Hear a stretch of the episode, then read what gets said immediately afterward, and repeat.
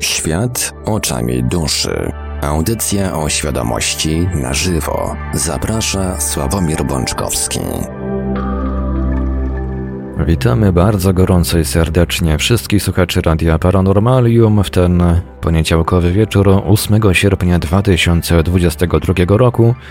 Przy mikrofonie i za starami technicznymi audycji jak zawsze Marek Sankiewelios, a po drugiej stronie połączenia internetowego jestem jak zawsze gospodarz Świata Oczami Duszy, pan Sławek Bączkowski. Dobry wieczór panie Sławku. Dobry wieczór panie Marku, witam bardzo serdecznie, kochani was również. Tradycyjnie zanim przekażę głos panu Sławkowi pozwolę sobie przypomnieć kontakty do Radia Paranormalium. Oczywiście to, czy będzie druga część audycji, w dużej części zależy od tego, ile będzie komentarzy na czatach, czy zdecydujecie Państwo e, zadzwonić. Jeżeli będziecie oczywiście chcieli zadzwonić, to będziemy wdzięczni za poinformowanie nas o tym wcześniej. Niemniej jednak numery telefonów do Radia Paranormalium warto zapisać sobie już teraz.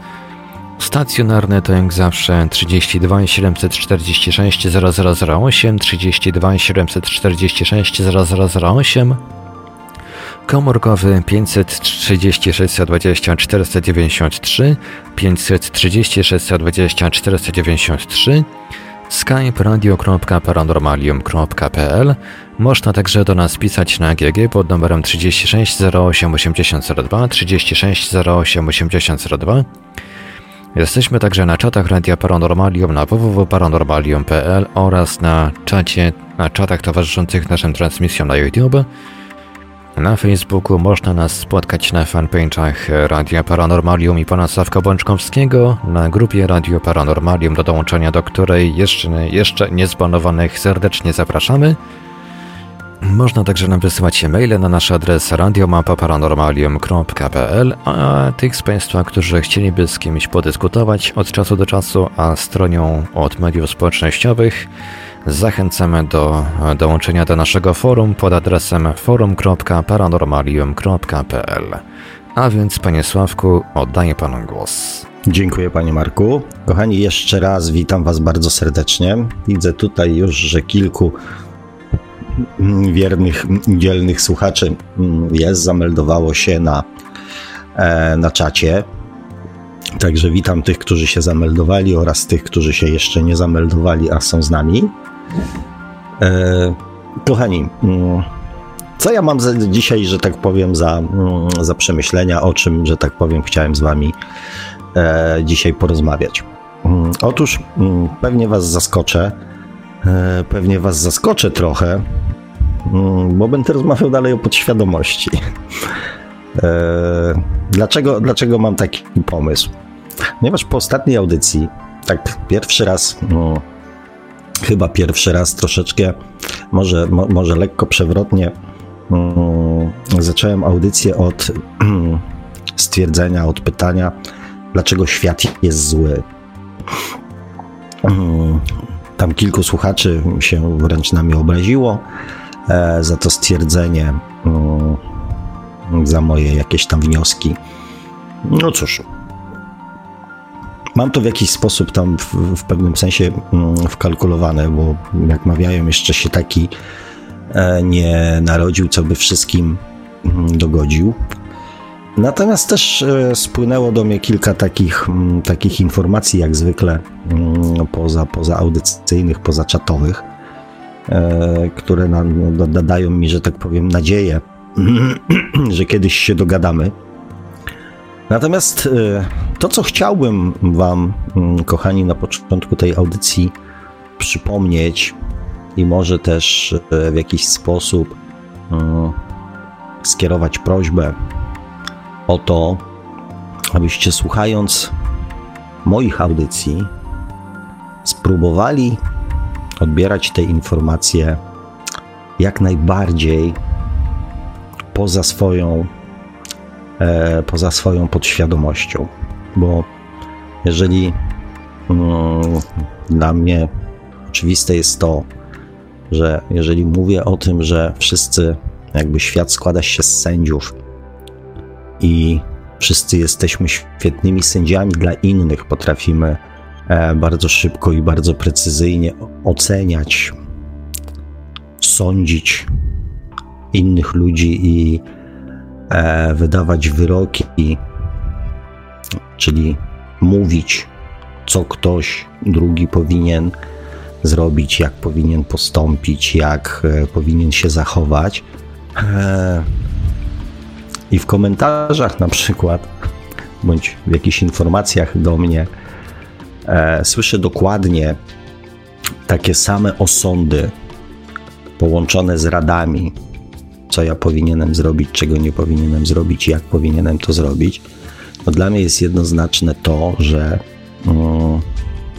w myśl temu, co powiedziałem również w audycji, osoba, która do mnie się zwraca, mm, kieruje się podświadomością, że jak najbardziej ta podświadomość w jakiś sposób została ukuta i, mm, i urażona, i w związku z tym ktoś na podstawie tej podświadomości wyraża swoje podświadome E, podświadome zdanie bądź podświadomą opinię.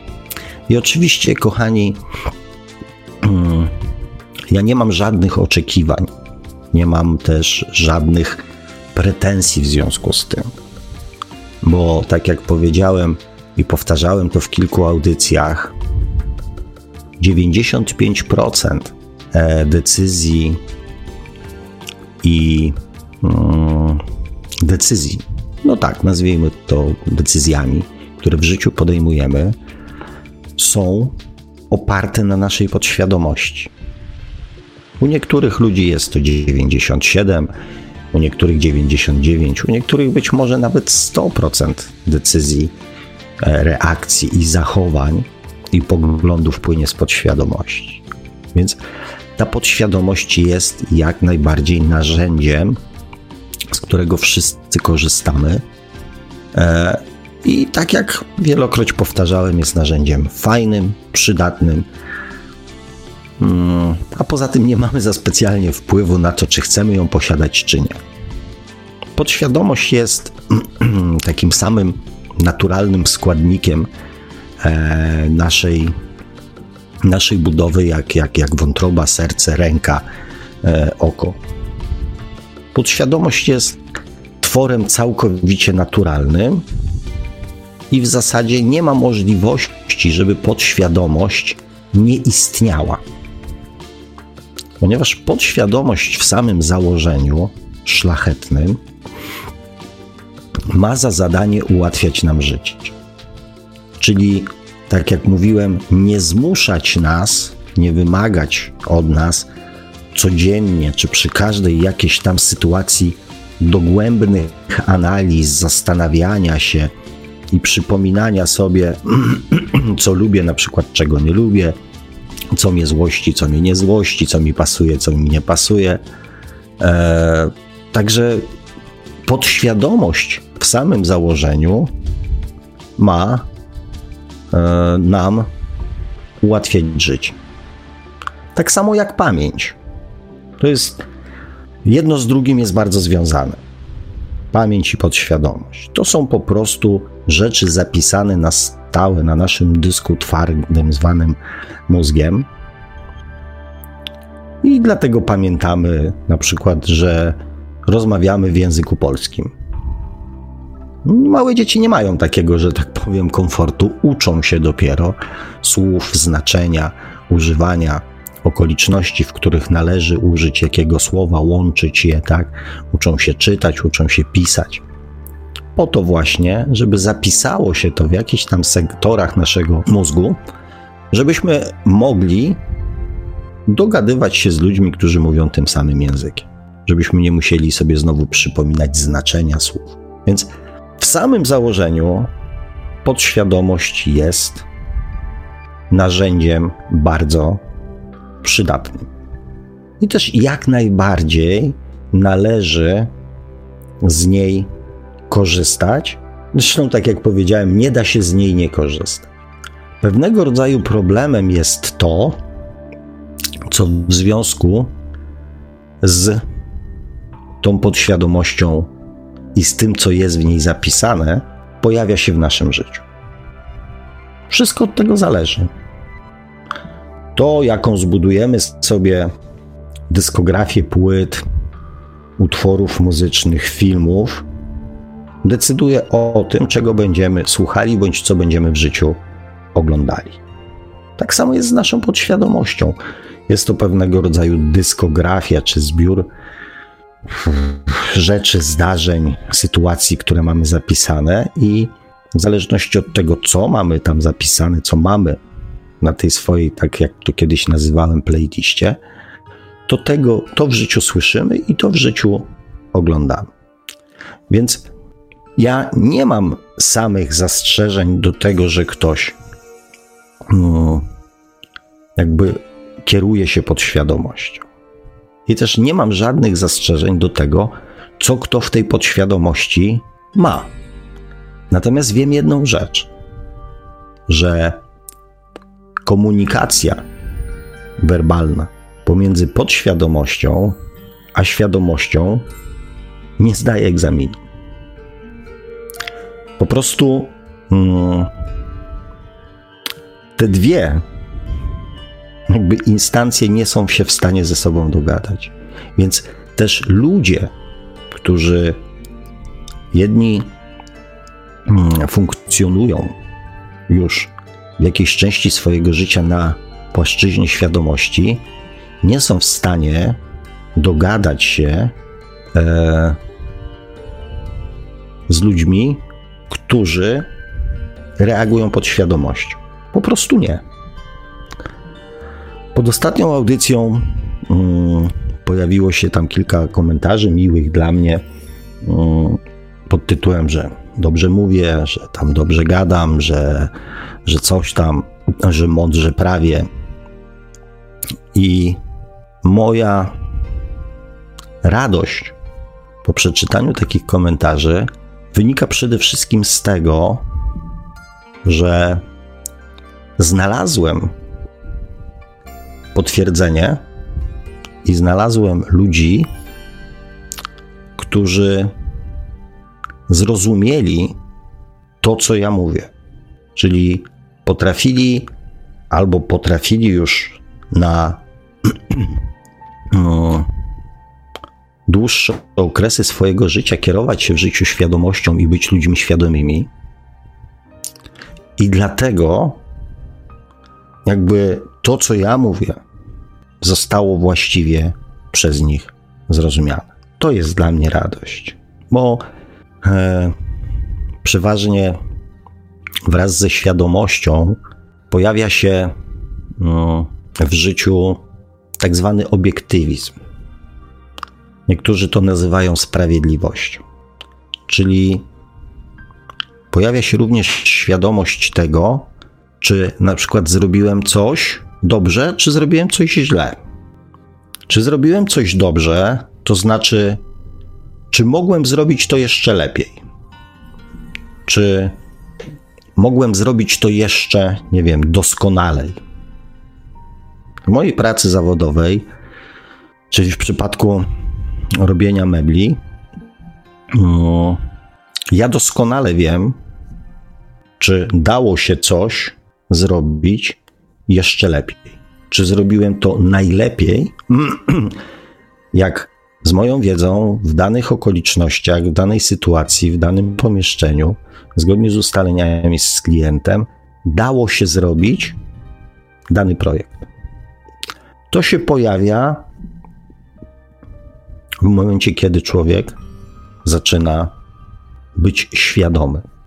Różnica pomiędzy świadomością a podświadomością jest taka, że nawet jeżeli mi wydaje się, albo jestem przekonany, że zrobiłem coś najlepiej, a pojawi się ktoś, kto pokaże mi realną, taką merytoryczną, przekaże informację, że to się da zrobić lepiej, to ja się z takiej informacji cieszę i mówię faktycznie, kurde, no tyle lat i o czymś takim na przykład nie pomyślałem. Dziękuję, fajnie. Na przyszłość będę miał dodatkowe narzędzie, dodatkową możliwość, dodatkową umiejętność. Czyli pojawia się obiektywizm. Podświadomość zawsze broni swojego. Zawsze. Podświadomość nie przyznaje się do błędów. Podświadomość nie przyjmuje żadnych nowych rozwiązań. Podświadomość w momencie, kiedy ktoś mówi, ale mogłeś zrobić to lepiej, będzie bronić się i szukać argumentów bądź tłumaczenia samego siebie, dlaczego tak się zrobiło, bądź dlaczego się nie zrobiło tego lepiej. To podświadomość uruchamia instynkty albo obronne, albo instynkty atakujące, albo instynkty tłumaczące się, w zależności od tego, co w tej podświadomości jest, podświadomość zrobi wszystko, żeby albo obronić swoje zdanie, albo nie przyznać się do popełnionego błędu, albo przenieść odpowiedzialność za popełniony błąd na coś innego bądź na kogoś innego. I dlatego dogadanie się podświadomości ze świadomością w sposób taki werbalny jest praktycznie rzecz biorąc niemożliwe. Znacie z pewnością mm, sytuację ze swojego życia, kiedy spotykacie na swojej drodze ludzi, którym nie da się w żaden sposób nic wytłumaczyć. Że jakichkolwiek argumentów byśmy nie używali, to i tak nie jesteśmy w stanie drugiej osoby przekonać do swoich racji. To jest, oczywiście przy założeniu, że mamy rację. To jest właśnie doskonały przykład, jak działa podświadomość. Przypomnijcie sobie takie sytuacje. Przypomnijcie sobie te rozmowy z ludźmi. Nie dlatego, żeby powiedzieć o nich, o, jacy nierozwinięci, jacy nieświadomi, tylko po to, żeby uzmysłowić samemu sobie, że wasza podświadomość działa dokładnie w taki sam sposób. Dokładnie. Podświadomość każdego człowieka działa w taki sam sposób. I nie da się być osobą świadomą, jeżeli nawet w sytuacjach, kiedy rozmawia się o świadomości, bądź przebywa się w oparach i otoczeniu świadomości, kierować się podświadomością. Tego na poziomie takim mentalnym nie da się ze sobą pogodzić. Też od um, Agnieszki dostałem naszej słuchaczki maila. Pytała o warsztaty ciszy i napisała mi, znaczy, mówiąc oczywiście, znaczy oczywiście mówiąc o tym, że jest to genialny pomysł, że, że właśnie cisza, spokój, to odbodźcowanie się um, i, i, i ta możliwość jakby wsłuchania się gdzieś tam w samego siebie jest najlepszym pomysłem, jaki można człowiekowi i radą, jaką można człowiekowi drugiemu dać. I tam coś tam odpisałem. I na koniec mi napisała, że cieszy się, że spotkała na swojej drodze człowieka, który podobnie myśli. I ja jej napisałem taką rzecz, że ja również się cieszę, spotykając na swojej drodze um, takich ludzi, ale z innego powodu. Nie dlatego, kochani, że cieszę się, że tak samo myślimy. Tylko dla mnie to jest sygnał, że um, spotkałem na swojej drodze osobę świadomą. Każdą osobę świadomą, którą spotykam na swojej drodze, każda taka osoba raduje moje serce. Ponieważ, kochani, świadomość jest jedna. Jedna dla wszystkich, ponieważ dla świadomości słowo prawda, miłość, szacunek, uczciwość, współczucie, empatia dla świadomości te słowa zawsze, zawsze znaczą to samo. Jeżeli człowiek świadomy mówi, mówię ci prawdę, to ta prawda dla osób świadomych jest zawsze taka sama. Świadomość jest jedna. To podświadomości jest wiele. W zasadzie, gdyby rozebrać to tak naprawdę na czynniki, na takie drobiazgi, to się może okazać, że podświadomości jest tyle rodzajów, ile ludzi na Ziemi. E, I to, co mm, często pojawia się w różnego rodzaju nurtach duchowych, mówiących o tym, że każdy człowiek jest inny, jest cudowny w swoim, że tak powiem, e, w swojej osobowości, w swojej istocie, jest prawdą. Natomiast tak naprawdę różnica pomiędzy ludźmi polega na różnicach w podświadomości. Więc czy to ma coś wspólnego z cudownością? Czy ta um, odmienność podświadomości jest cudowna? Czy wy uważacie, że ci ludzie, którzy mają inną podświadomość od waszej, są istotami cudownymi? I czy ta cudowność i odmienność wynikająca z podświadomości jest naprawdę dobra? Czy jest dobra dla ludzi? Pod jednym względem na pewno. Pod względem doświadczania. Tylko mm, pytanie jest, kochani, czy wierząc w te wszystkie poglądy pod tytułem Przyszedłem na świat doświadczać, albo tak jak niektórzy twierdzą, że ich dusza przyszła na świat, żeby doświadczać, to ja się pytam wprost, tak trochę nawet bezczelnie, czy wy cieszycie się ze swoich doświadczeń? Każda tragedia, każde nieszczęście rozwija w człowieku empatię, zrozumienie, rozwija świadomość, jak to jest, co czują ludzie, których my krzywdzimy. Niesamowicie ważne doświadczenie, które rozwija naszą świadomość w kierunku tego, abyśmy nie krzywdzili ludzi. Prawda, że to jest piękne, że to jest szlachetne, że to jest cudowne. Tylko ja się pytam, czy to doświadczenie sprawia Wam radość w swojej szlachetności? Czy ta cudowna odmienność ludzi sprawia Wam radość? Czy czerpiecie z tego radość? Czy mówicie, ale fajnie, ten wkurzający gościu, który robi to i to codziennie wieczorem, w swojej odmienności, cudowna istota, która doświadcza mi doświadczeń, które rozwijają moją świadomość, czy on mnie cieszy, czy jego obecność w moim życiu mnie cieszy.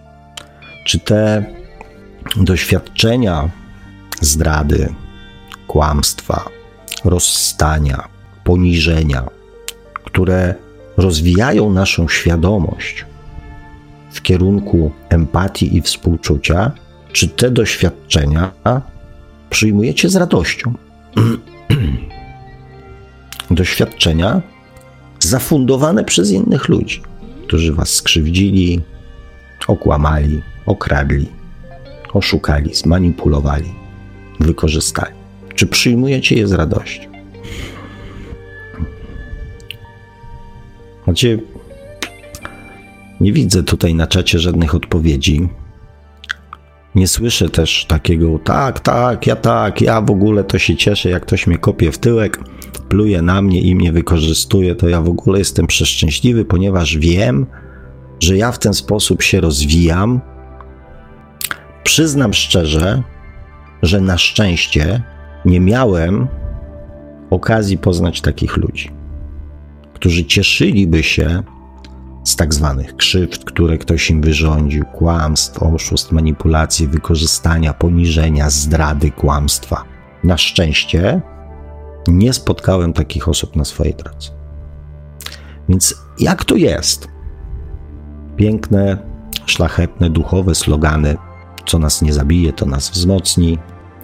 Świat jest piękny, bo każdy człowiek jest cudowny, jest odmienną istotą, osobowością. Każdy ma swoją drogę i to jest cudowne, to jest wspaniałe. Każde doświadczenie rozwija moją świadomość, prowadzi mnie w kierunku lepszego życia. To nic, tylko otwierać domy, zostawiać swoje karty kredytowe, nadstawiać tyłki i policzki, wchodzić w kolejne patologiczne, socjopatyczne układy, związki, relacje i dawać się do cna, wykorzystywać tym cudownym, odmiennym ludzkim istotom, uduchowionym. Naprawdę, świat daje takie możliwości. Każdy z nas może takiego wyboru dokonać. Niektórzy już dokonali, chociaż może to nie ma nic wspólnego z dokonanym wyborem, tylko skierowaniu się, mm, kierowaniem się w życiu mm, pod świadomość. Kochani, mm, parę razy o tym wspominałem. Ja staram się mówić do Was z poziomu świadomości. Jak pan Marek zazwyczaj zapowiada audycje bądź opisuje je, zapraszamy na kolejną audycję o świadomości. Audycja nosi tytuł Świat oczami duszy. Nasza dusza jest naszą świadomością duchową, świadomością zebraną i wybudowaną przez wszystkie nasze dotychczasowe wcielenia, zweryfikowaną po śmierci w obliczu uniwersalnych wzorców prawdy, miłości, szacunku, wolności itd. Tak Najlepszym naszym doradcą i przyjacielem na drodze życia. Kolejnego. Więc spróbujcie na czas audycji odbierać to również z poziomu własnej świadomości. Nadstawcie swoją świadomość, swoje trzecie oko, swoje serce na odbiór, a nie umysł. Większość rzeczy, o których ja mówię, jest nieakceptowalna dla naszej podświadomości, bo jeszcze wiedza, informacje, które zbieracie, zbieraliście przez ileś tam lat wcześniej na temat duchowości, to te informacje są jeszcze łatwiej przyswajalne. Natomiast w momencie, kiedy ja mówię o dokonywaniu zmian, o zmianie postępowania, o zmianie sposobu myślenia, to te informacje przez Waszą podświadomość będą w większości przypadków negowane, w większości sytuacji. Natomiast bardzo chętnie usłyszy je Wasza dusza. Więc spróbujmy w audycjach komunikować się z poziomu naszych świadomości. Dlaczego? Mm, I wtedy z pewnością się dogadamy. Wtedy z pewnością się zrozumiemy. A raczej nie zrozumiecie mnie. Nie zrozumiecie tego, co ja do Was mówię. Wiecie, dlaczego nie zrozumiecie? Bo tu nie ma nic do zrozumienia. Bo ja nie mówię, kochani, nic innego niż to, co wy sami wiecie.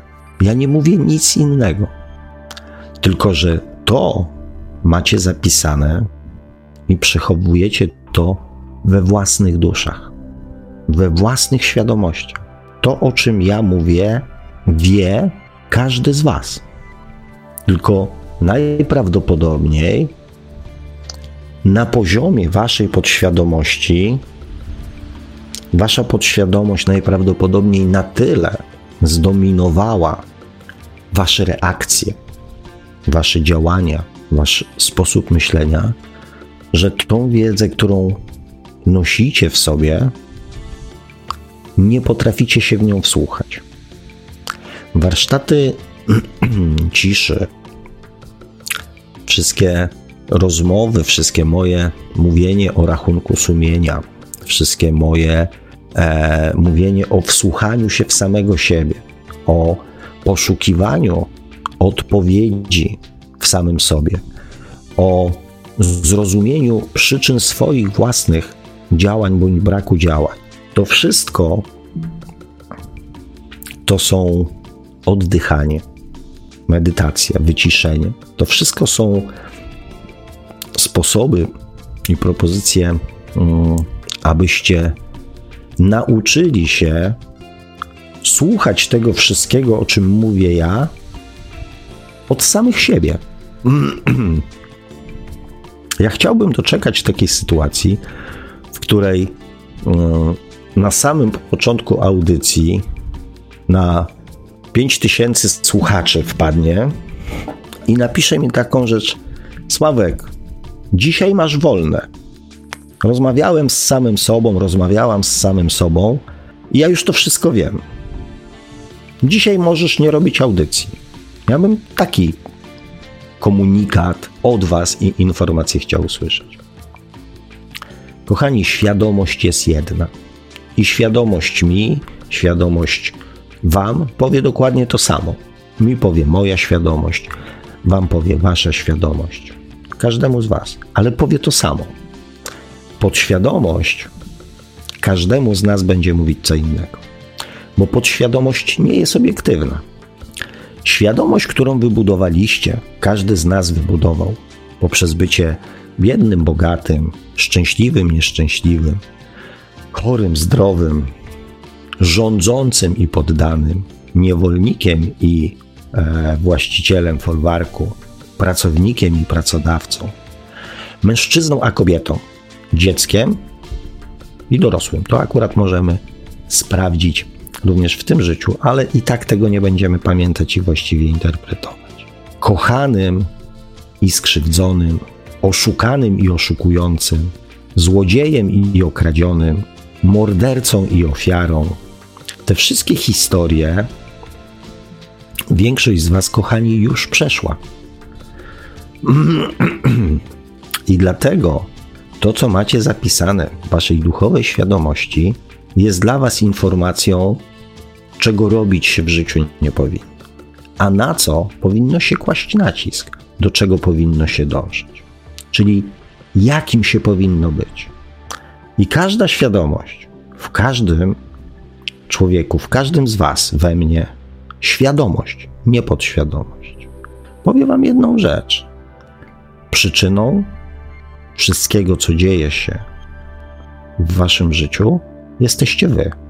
Nie ma winnych na zewnątrz i nie ma przyczyn na zewnątrz. Każdy człowiek jest przyczyną i skutkiem.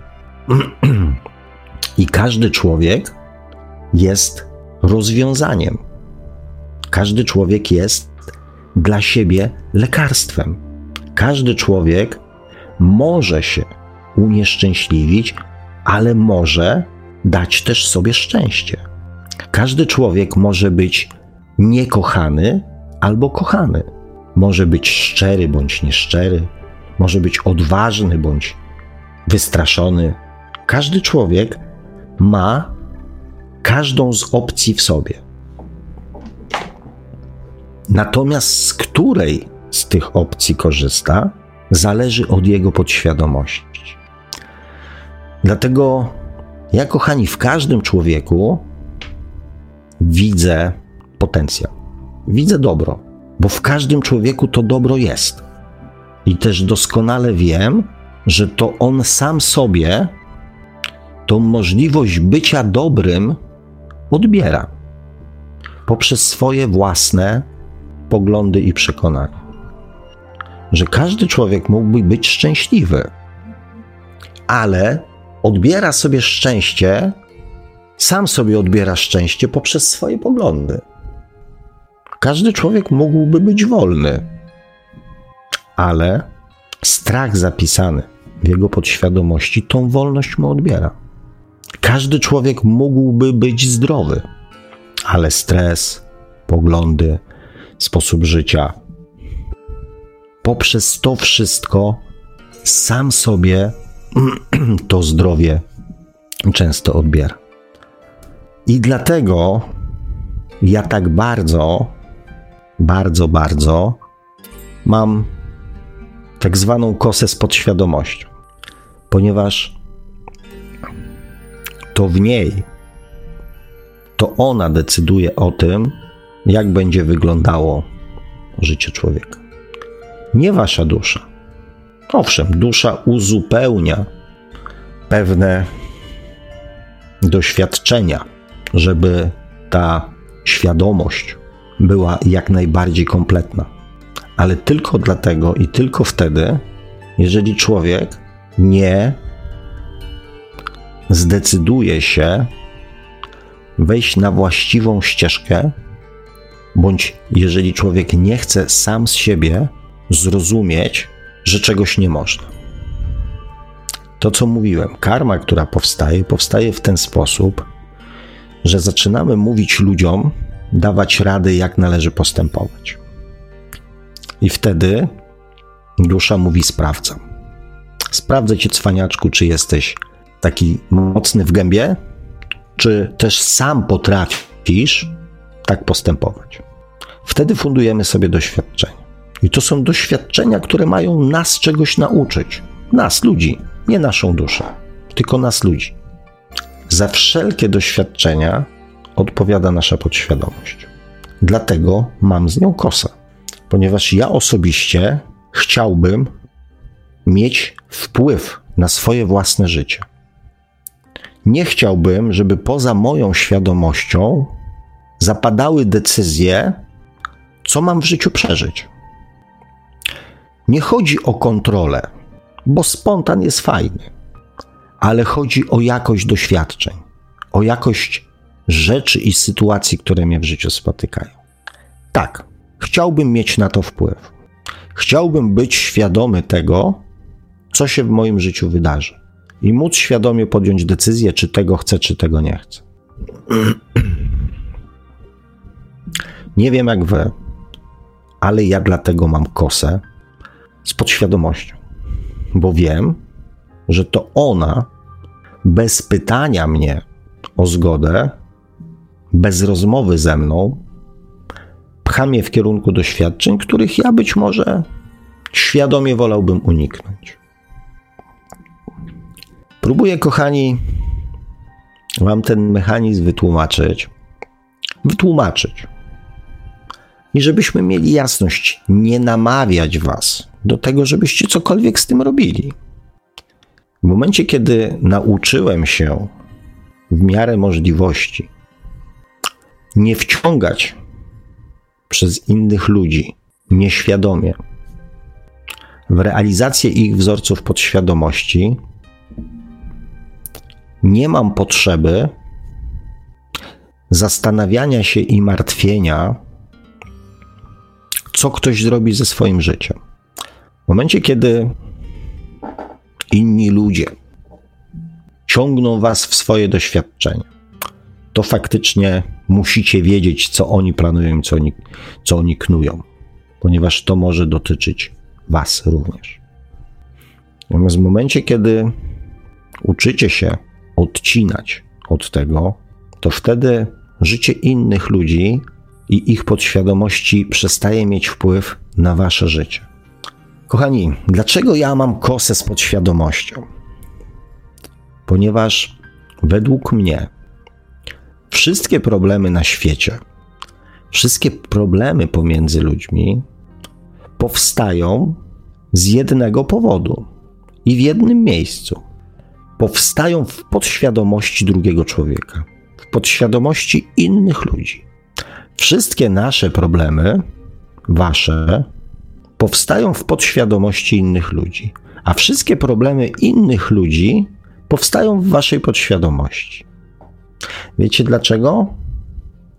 Bo podświadomość wie, co jest dobre dla innych. I podświadomość połączona z naszym ego ziemskim będzie dążyła do tego, żeby przekonać innych ludzi, że oni wiedzą lepiej. Co jest dla nas lepsze? Czy wy wiedzielibyście tak naprawdę, co jest dla was dobre, gdyby gdybyście stracili kontakt z innymi ludźmi? Zwróćcie uwagę, że ludzie w dzisiejszych czasach, zresztą nie tylko w dzisiejszych, nie muszą myśleć i zastanawiać się, czego pragną, jak powinni się odzywać, jak powinni się zachowywać, jak powinni się ubierać, co powinni mieć w mieszkaniu, jakimi samochodami powinni jeździć, jaka praca jest najlepsza, e, jakie stanowisko, jakie zachowanie. Nie muszą się zastanawiać, co jeść, w czym prać. Nie ma takiej potrzeby. Wszystko już dla ludzi zostało wymyślone i zaplanowane. Ktoś inny cały czas za nas myśli i za nas decyduje, co jest dla nas lepsze. On wie, co jest dla nas dobre. Tak się dzieje od tysięcy lat. Ktoś inny decyduje za nas, jak mamy żyć, jak mamy postępować, jak mamy myśleć, jak mamy się zachowywać, jak mamy się reagować. Ktoś inny. Nie pozostawiając nawet marginesu na bycie sobą. Ja nie mówię tu o polityce, bo to jest akurat taka eskalacja, że ja się dziwię, że ludzie tego, że ludzie tego jakby nie widzą, tak? Że decyduje się, w co mamy wierzyć, w co mamy nie wierzyć, kiedy możemy chodzić do sklepu, kiedy nie możemy chodzić do sklepu, e, kiedy mamy robić to, kiedy mamy robić tamto, które święto jest ważniejsze, które mniej ważne, które postawy są lepsze, które są gorsze. Nie wspominam już o tym, że w zasadzie na wszystkich płaszczyznach życia ktoś za nas podejmuje decyzje. Na każdej. Do tych najmniejszych. A jaki telewizor sobie kupiłeś? A taki wiesz, 41 cali. To. Nie, no to słaby sobie kupiłeś. Bo wiesz, bo ja kupiłem taki i on ma to, to, to i tamto, i tamto, i tamto, nie? A jaki masz telefon? A tam nie wiem, Samsunga. A nie, to kup sobie 12X Pro, bo widzisz, on ma tu kamery, robią takie, inne śmaki, owaki. A jaki masz samochód? A tam hybrydę kupiłem. Nie, no hybrydę to nie, daleko nie pojedziesz. Kup sobie diesla, starego, dobrego diesla. I tak jest na każdym kroku. A jak umeblowałeś mieszkanie? A nie, zielony by ci bardziej pasował. A ten szary to jest taki trochę inny. Taki dziwny, taki smutny, wiesz, to jakbyś jasny jakiś dał, nie? A co na, a, tu, a panele? A widzisz panele, ja to położyłem, wiesz, to i tamto. A do jakiej szkoły twoje dziecko idzie? A no do takiej, a no to co będzie robić? A no tam nie wiem, będzie weterynarzem. A widzisz, no nie, weterynarz. No może fajny zawód, wiesz, ale mój to tam poszedł do szkoły, będzie prawnikiem. Na każdym kroku podświadomość innego człowieka przekonuje nas do tego, co powinniśmy zrobić, jak powinniśmy żyć, co powinniśmy mieć. O, kiepsko ci w tej sukience. Albo o, fajnie ci jest w tej sukience. Ja też mam taką. Jesteśmy sędziami i na każdym kroku wydajemy wyroki i inni wydają wyroki na nasz temat. Wszystkie problemy tego świata powstają z powodu istnienia podświadomości i tego, że inni ludzie wiedzą lepiej od nas, co jest dla nas dobre. Na przykład, czy pójść na wojnę, czy nie pójść na wojnę. Idźcie się pozabijać, bo ja wiem lepiej, że tak trzeba. Super, nie? I powiem Wam tak. Mnie to osobiście wali, ponieważ ja im nie wierzę. Problem polega na tym, że tym, którzy wiedzą lepiej, często wierzymy. Znaczy, najczęściej wierzymy. Znaczy, inaczej. Wydaje nam się, bądź nawet jesteśmy przekonani, że to my podjęliśmy taką decyzję, że to jest faktycznie dla nas lepsze, że to jest słuszne. Ponieważ operujemy i kontaktujemy się na poziomie podświadomości. A podświadomość uznaje coś takiego jak autorytety, które przyjmuje bez mrugnięcia powiek. I tak powstaje ten cały system, który niektórzy nazywają Matrixem, w którym bardzo łatwo jest ludźmi manipulować, czyli wpływać na ich podświadomość. Znając odrobinę psychologii, można tak pokierować na przykład informacjami, żeby je przemycić do naszej podświadomości. I później dzieją się różne rzeczy w życiu, których, które my nazywamy nieszczęściami, chorobami, często przypadkami. Nie mając często świadomości, że to my wewnętrznie daliśmy samym sobie przyzwolenie na to, żeby tak się stało. Ludzie mają prawo do tego, aby wpływać, próbować wpływać na nasze wybory, na nasze decyzje. Mają prawo. Tak samo jak my próbujemy rzadziej bądź częściej wpływać na decyzje innych ludzi, na zachowania innych ludzi, bo tak działa podświadomość. Pytanie jest, czy my będziemy podatni na wpływy innych ludzi? Czy pozwolimy sobie, aby inni, inne podświadomości decydowały o naszym życiu, o tym, co się w naszym życiu będzie działo? To od nas zależy. Pytanie, czy my sobie, a może raczej innym, damy przyzwolenie na to, żeby decydowali o naszym życiu. Tu w jednym z komentarzy pod poprzednią audycją mm, Adam napisał bardzo takie fajne, znaczy ogólnie komentarze były bardzo fajne i, i prawie wszystkie w jakiś sposób tam trafne. Natomiast ten jeden postanowiłem wykorzystać w dzisiejszej audycji. Bo kochani, czy my dajemy to przyzwolenie, czy nie dajemy tego przyzwolenia, w dużej mierze zależy od tego, od naszej samooceny. Od naszej samooceny, czyli od poczucia naszej wartości. Tej wewnętrznej wartości, którą mamy zapisaną w podświadomości. Nie chodzi mi o wartość duchową, czyli o to, mm, co nasza dusza o nas samych sądzi. Informacje, które są zawarte w naszej duszy o nas. Uwierzcie mi, e, bądź nie, że nasza dusza pamięta wszystko, co żeśmy przez wszystkie wcielenia nawywijali. Każdą krzywdę i każdy sukces, każdą dobrą rzecz i każdą złą rzecz, którą w życiu zrobiliśmy, w życiach zrobiliśmy. A jednak ona namawia nas do tego i mówi: kochaj samego siebie. Kochaj samego siebie. Mimo tego, że doskonale wie i pamięta, ile razy zrobiliśmy rzeczy podłe i haniebne. Z naszą podświadomością jest zupełnie odwrotnie.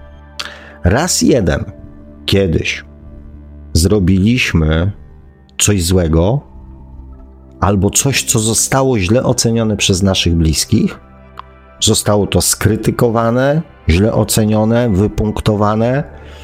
Dostaliśmy za to jakąś tam reprymendę i do końca życia, albo do momentu, dopóki nie postanowimy tego zmienić, zmienić, będziemy żyli w poczuciu, że zrobiliśmy źle. Mimo, że to była jedna rzecz. Taka jest różnica pomiędzy tymi dwoma, e, że tak powiem, mm, świadomościami, świadomością bądź podświadomością i świadomością duchową. Kochani, nasza, to co myślimy, znaczy co myślimy, to czego dowiadu, do, dowiedzieliśmy się o samych sobie, coś co stworzyło naszą, nasze poczucie wartości bądź poczucie braku wartości, to co jest zapisane w naszej podświadomości, będzie decydowało w dużej mierze o tym, ile osób w hierarchii autorytetów ustawimy nad sobą. Ilu osobom w życiu pozwolimy decydować o nas i naszym życiu. Od naszej wewnętrznej wartości, od naszej samooceny zależy, ile osób będzie dla nas więcej wartych i ile osób w związku z tym będzie mogło mieć rację, jak powinno się żyć.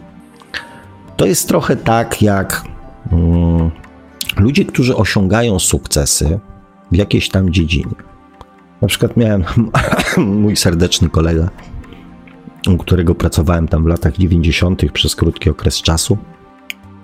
Mówi tak, miał Mercedesa wtedy. Sławek, jakbyś podjechał tam, tam, ja jako pracownik, on jako szef, byś tam podjechał, coś tam załatwił. Ja mówię, nie ma samochodów. No dobra, to weź mojego Mercedesa. Ja mówię, no dobra, to jakbyś mógł to tam przy okazji zatankuj. Ja mówię, dobra, mój kluczyki są tam w, tam w tym, nie? Ja mówię, dobra, to daj mi, daj mi dokumenty, nie? Od samochodu. No, w 94 roku Mercedes tam 300 czy tam ileś, no nie był tak popularnym samochodem i raczej rzucał się trochę w oczy. Ja mówię, dobra, daj mi dokumenty, nie? Oj, przestań. Ja mówię, no dobra, przestań, przestań, mówię, e, policja mnie zatrzyma, na pewno mnie, mówię, zatrzymaj, co im powiem. Powiedz im, że ja ci pozwoliłem. Powiedz im, że ja ci pozwoliłem jeździć dokumentu, bez dokumentu. Jakie wielkie poczucie wartości ten człowiek w sobie miał, że mógł ustalać prawo albo je modyfikować na swoje własne potrzeby. Jak wielkie poczucie własnej wartości, ponieważ osiągnął sukces materialny, był bardzo bogatym człowiekiem, generalnie rzecz biorąc, znał się w związku z tym na wszystkim. Tak działa ego i tak działa podświadomość. Jeżeli jesteśmy sprzątaczką, to nie znamy się na niczym. Każdy. Rodzic, dziecko, nauczyciel, dyrektor, wicedyrektor, psycholog, każdy, kto przychodzi do szkoły, na przykład jesteśmy sprzątaczką w szkole, może decydować o tym, jak powinniśmy się zachować, jak powinniśmy reagować, jak powinniśmy się odzywać, jak powinniśmy wyglądać. Ponieważ w tej naszej popapranej hierarchii wszyscy są powyżej nas, są autorytetami, a my w tej hierarchii jesteśmy nikim. I teraz jest takie proste pytanie, które Wam, że tak powiem, zadam. E, czy jesteśmy sprzątaczką, bo mieliśmy niską samoocenę, niskie poczucie własnej wartości, czy mamy niskie poczucie wartości, dlatego że jesteśmy sprzątaczką? Co było pierwsze, kura czy jajko? Od czego zależy w dużej mierze to, kim w życiu będziemy? Nie mówię w kategoriach zawodowych, aczkolwiek w tej naszej, jakby mówię, dziwnej, matrixowej, nie lubię tego określenia, ale tak mi się akurat teraz skojarzyło, scenografii w jakim miejscu tej, tej hierarchii matrixowej jesteśmy. I ilu osobom pozwolimy, ilu podświadomością i ilu mm, nieświadomością pozwolimy decydować o naszym życiu, o tym, co w tym życiu się będzie działo. Dlatego, kochani, mam kosę z podświadomością. ponieważ to ona tak naprawdę decyduje o tym, co się mm, w tym życiu naszym dzieje.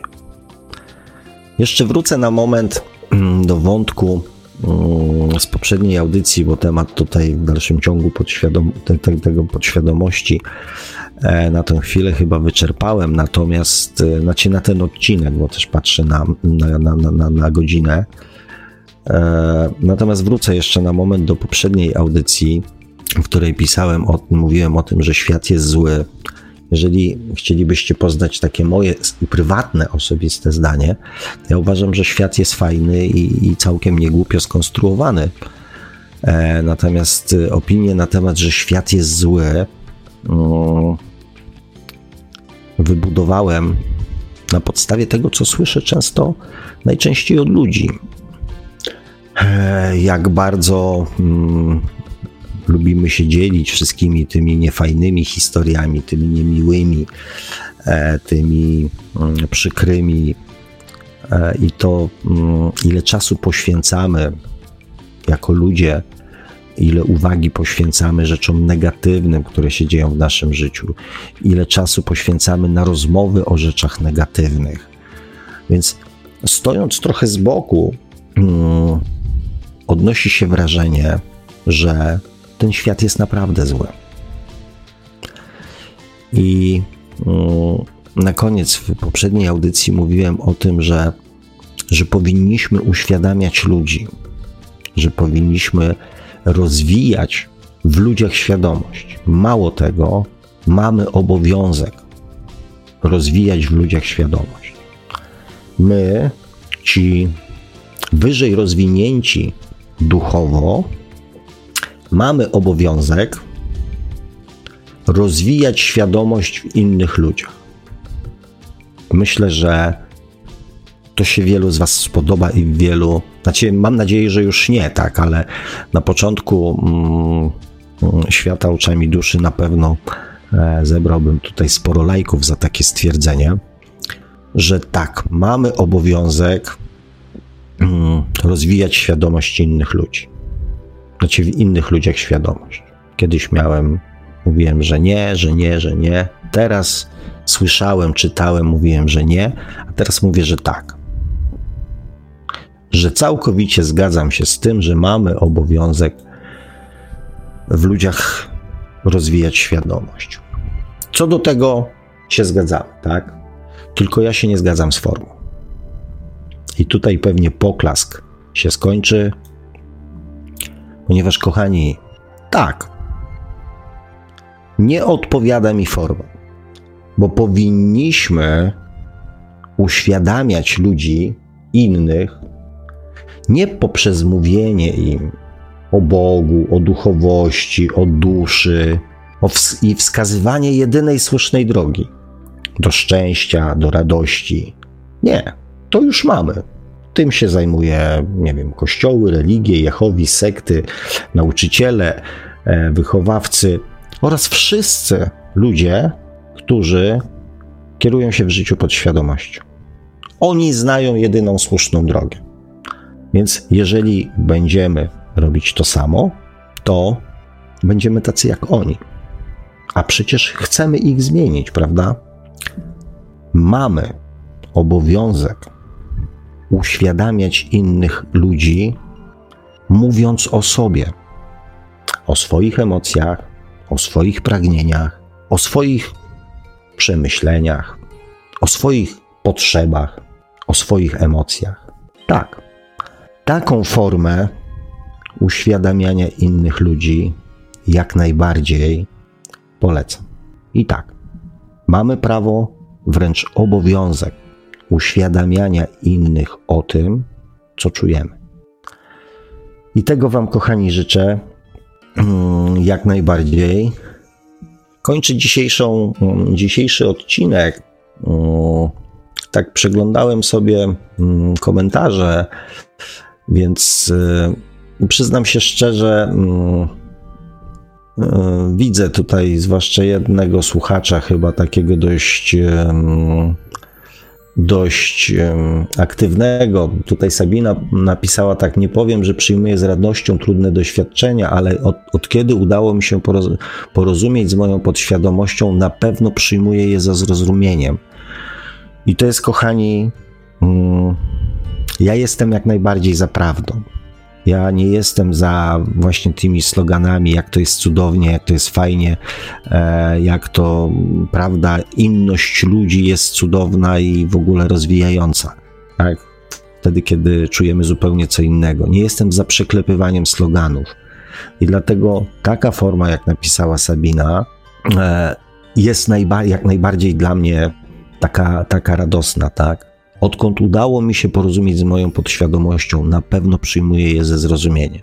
Tak, bo istotą każdego doświadczenia jest właściwe zrozumienie sensu tego doświadczenia. I naprawdę nie bawmy się w matki Teresy i, i, i nie mówmy, nie wmawiajmy samym sobie, jak to jest fajnie cierpieć. Nikt od nas tego, kochani, cierpienia w świecie duchowym nie oczekuje. Wprost przeciwnie oczekuje od nas radości, szczęścia, miłości, uśmiechu. Także nie przyjmujcie nieszczęść, cierpień jako standardu.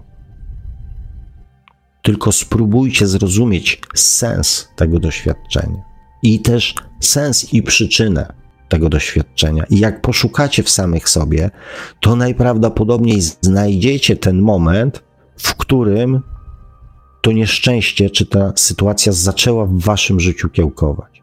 Tylko nie zwróciliście uwagi, nie zareagowaliście i pozwoliliście tej kuli śnieżnej się e, rozkręcić. E, no, to wygląda, panie Sławku, że się... mamy chyba teraz słuchacza telefonicznego. Może mm -hmm. go mhm. wpuścimy, zobaczymy. No dobra, dobra, dobra, dobra. Halo, halo, Radio Paranormalium, czy się słyszymy? E, tak. Witam serdecznie. Z kim mamy przyjemność? Witam. E, Mariusz Potrawcy. O, dobrze, witamy. Witamy pana Mariusza. Mm, panie Mariuszu, prosimy o słuchanie się, w, żebyśmy się słuchali w smartfonie, w telefonie. Prosimy o wyłączenie radia bądź przyciszenie. No dobrze, musiał ten, no to wtedy mi połączycie, tak, z tym wszystkim? No wystarczy, wystarczy, że pan przyciszy, przyciszy radio albo wyłączy na czas rozmowy. O, już w tej no. chwili wyłączyłam, nie wiem czy... O, idealnie. Idealnie, idealnie. Ja w tych sprawach zawsze słucham pana Nie, no pan Sławek jest cały czas ten, jest cały czas zajęty i tak dalej, także... Nie, no, jestem, jestem, jestem, panie Mariuszu. Pan Sławek, ale tu audycja już tam odpowiada pan na komentarze pani Sabiny, tak? Znaczy, tak akurat y, myślałem, że nie będzie, że tak powiem, drugiej części, e, bo tych komentarzy nie ma za dużo, więc myślałem, że po prostu będę kończył audycję, ale skoro pan zadzwonił, to jak najbardziej mhm. Mm, chciałbym, byśmy sobie chwilkę porozmawiali, bo na pewno jakiś powód mhm. tego telefonu jest. Tak, bo zawsze była tam przerwa, powiedzmy coś takiego i tak czekam na tą przerwę, żeby coś tam melodyjka zagrała i wtedy chciałem zadzwonić, a nie szybciej w każdym razie, żeby nie przeszkadzać, nie? Nie, jest okej, okay, e... jest okej. Okay. Jest okej, okay, możemy rozmawiać. Tak jest, zapraszam serdecznie. E, teraz tak, taki mm, zacząć rozmowę, żeby dobrze zacząć tę rozmowę. E, przede wszystkim, e, pan ma podświadomość i świadomość. I teraz tak, ja w swoim życiu przeżyłem pewne rzeczy i dla mnie te pojęcia były odwrotne. To znaczy tak, świadomość to jest y, to, co ludźmi kieruje, a podświadomość to jest dusza. Aha. Tak? No ale teraz postaram się tak wniknąć w to wszystko i odwrócić te pojęcia, żebym głupot nie gadał, nie? Ale dobrze, że pan to wyjaśnia na samym początku, to przynajmniej będziemy mogli to, e, to ja przynajmniej będę miał świadomość, że możemy mówić o tym samym, ale troszeczkę inaczej to nazywać. Bardzo fajnie, bardzo cieszę się, że. Mm, to znaczy nie, ja postaram się ten y, w pana, że tak powiem, pojęcia wejść i teraz tak, dla mnie, no dobra, zaczynamy. Y, podświadomość to jest. Yy, no, we wszystko będę wchodził, co Pan mówił. Czyli to jest tak, informacje związane z reinkarnacją, informacje związane z dzieciństwem i całym życiem, wszystkie zasady, wszystko, wszystko psychologia, y, wszystko, co kieruje człowiekiem po prostu. Y, tak pan to rozumie. Powiedzieć. Y, tak, y, ludzie przebywają z różnymi ludźmi w czasie, okresie życia i każdy człowiek ma na każdego człowieka wpływ i to kieruje tym człowiekiem i to jest ta psychika człowieka i to jest właśnie cały człowiek. Mhm. Y, teraz w Pana pojęcie wchodzę, że świadomość to jest dusza. Dusza, intuicja i tak dalej, nie? No tak. tak. myślę? Tak, znaczy ja świadomości też dzielę na dwie, tak? Także tą świadomość taką duchową, właśnie płynącą z duszy i mówiącą do nas za pomocą intuicji, i tą, tą świadomość taką ludzką, którą budujemy jako, jako ludzie, nie? Mm, nie, ja tego nie robię, bo y, informacje zostają troszeczkę inne, że świat. Dobra. Świadomość to jest właśnie dusza, intuicja i tam jeszcze można kilka innych określeń wrzucić w to, a podświadomość dla mnie to jest wszystko odwrotnie, ale teraz się staram w Panach pojęcia wejść. Podświadomość to jest właśnie wszystko to, co mamy w sobie. 95% ludzi żyje tylko podświadomością. Czyli wszystko, co zostało w nich zapisane w ciągu całego życia, ci ludzie tak postępują. I teraz tak, jeżeli człowiek yy, ma dużą, yy, nawiązuje kontakt y, ze świadomością, to w tym momencie yy, ta dusza wpływa bardzo na podświadomość i w tym momencie większość ludzi zaczyna go nie rozumieć. I teraz, jakby to powiedzieć, Pan mówi tam o takich rzeczach, że większość ludzi żyje, 95% ludzi żyje podświadomością, czyli to, co mają zapisane w sobie, to jest, dla mnie to wygląda jak komputer, w którego są wpisane wszystkie zasady i tak dalej. Każdy człowiek, z którym się spotyka inny człowiek, wpisuje te zasady, jest tak zwany efekt lustrzany, nie? I to wszystko zostaje wpisane w tego człowieka. I ten człowiek sobie żyje tym życiem cały czas, ale zanim się urodził, to dostał całą przepowiednię tej, tego życia, cały jakby przekaz, to wszystko, co on musi przeżyć w tym życiu. I teraz tak, ten człowiek żyjąc tylko tą podświadomością, on walczy z tym wszystkim, męczy się, tu mi nie powodzi, tu mi nie powodzi, tu mi się nie udaje. Nie, to nieprawda. On musi swoje przeżyć po prostu. I teraz jedynym sposobem, żeby zmienić tą podświadomość, to trzeba nawiązać ścisły kontakt z duszą, czyli ze świadomością. Jeżeli nawiążemy ten ścisły kontakt z duszą, to ta dusza zacznie łagodzić nam to wszystko że będziemy to po prostu akceptować, będziemy się z tym godzić i tak dalej i wszystko będzie po prostu lepiej. No i na tym to polega. Możemy jeszcze tam wchodzić w inne tematy, ale tak bardzo pokrótce to wszystko przejąłem, że tak powiem. Pan mówi tam pewne rzeczy i tak dalej, a większość ludzi interesuje to właśnie ta podświadomość tak interesuje i dlaczego mu się w życiu nie wychodzi, im się nie udaje, że nieszczęścia przeżywają. Yy, w podświadomości jest coś takiego, że są pewne punkty po prostu. I te punkty każdy człowiek musi przeżyć. I on może chce pójść w prawo, w lewo, zygzakiem, ale zawsze do pewnych punktów ten człowiek musi trafić.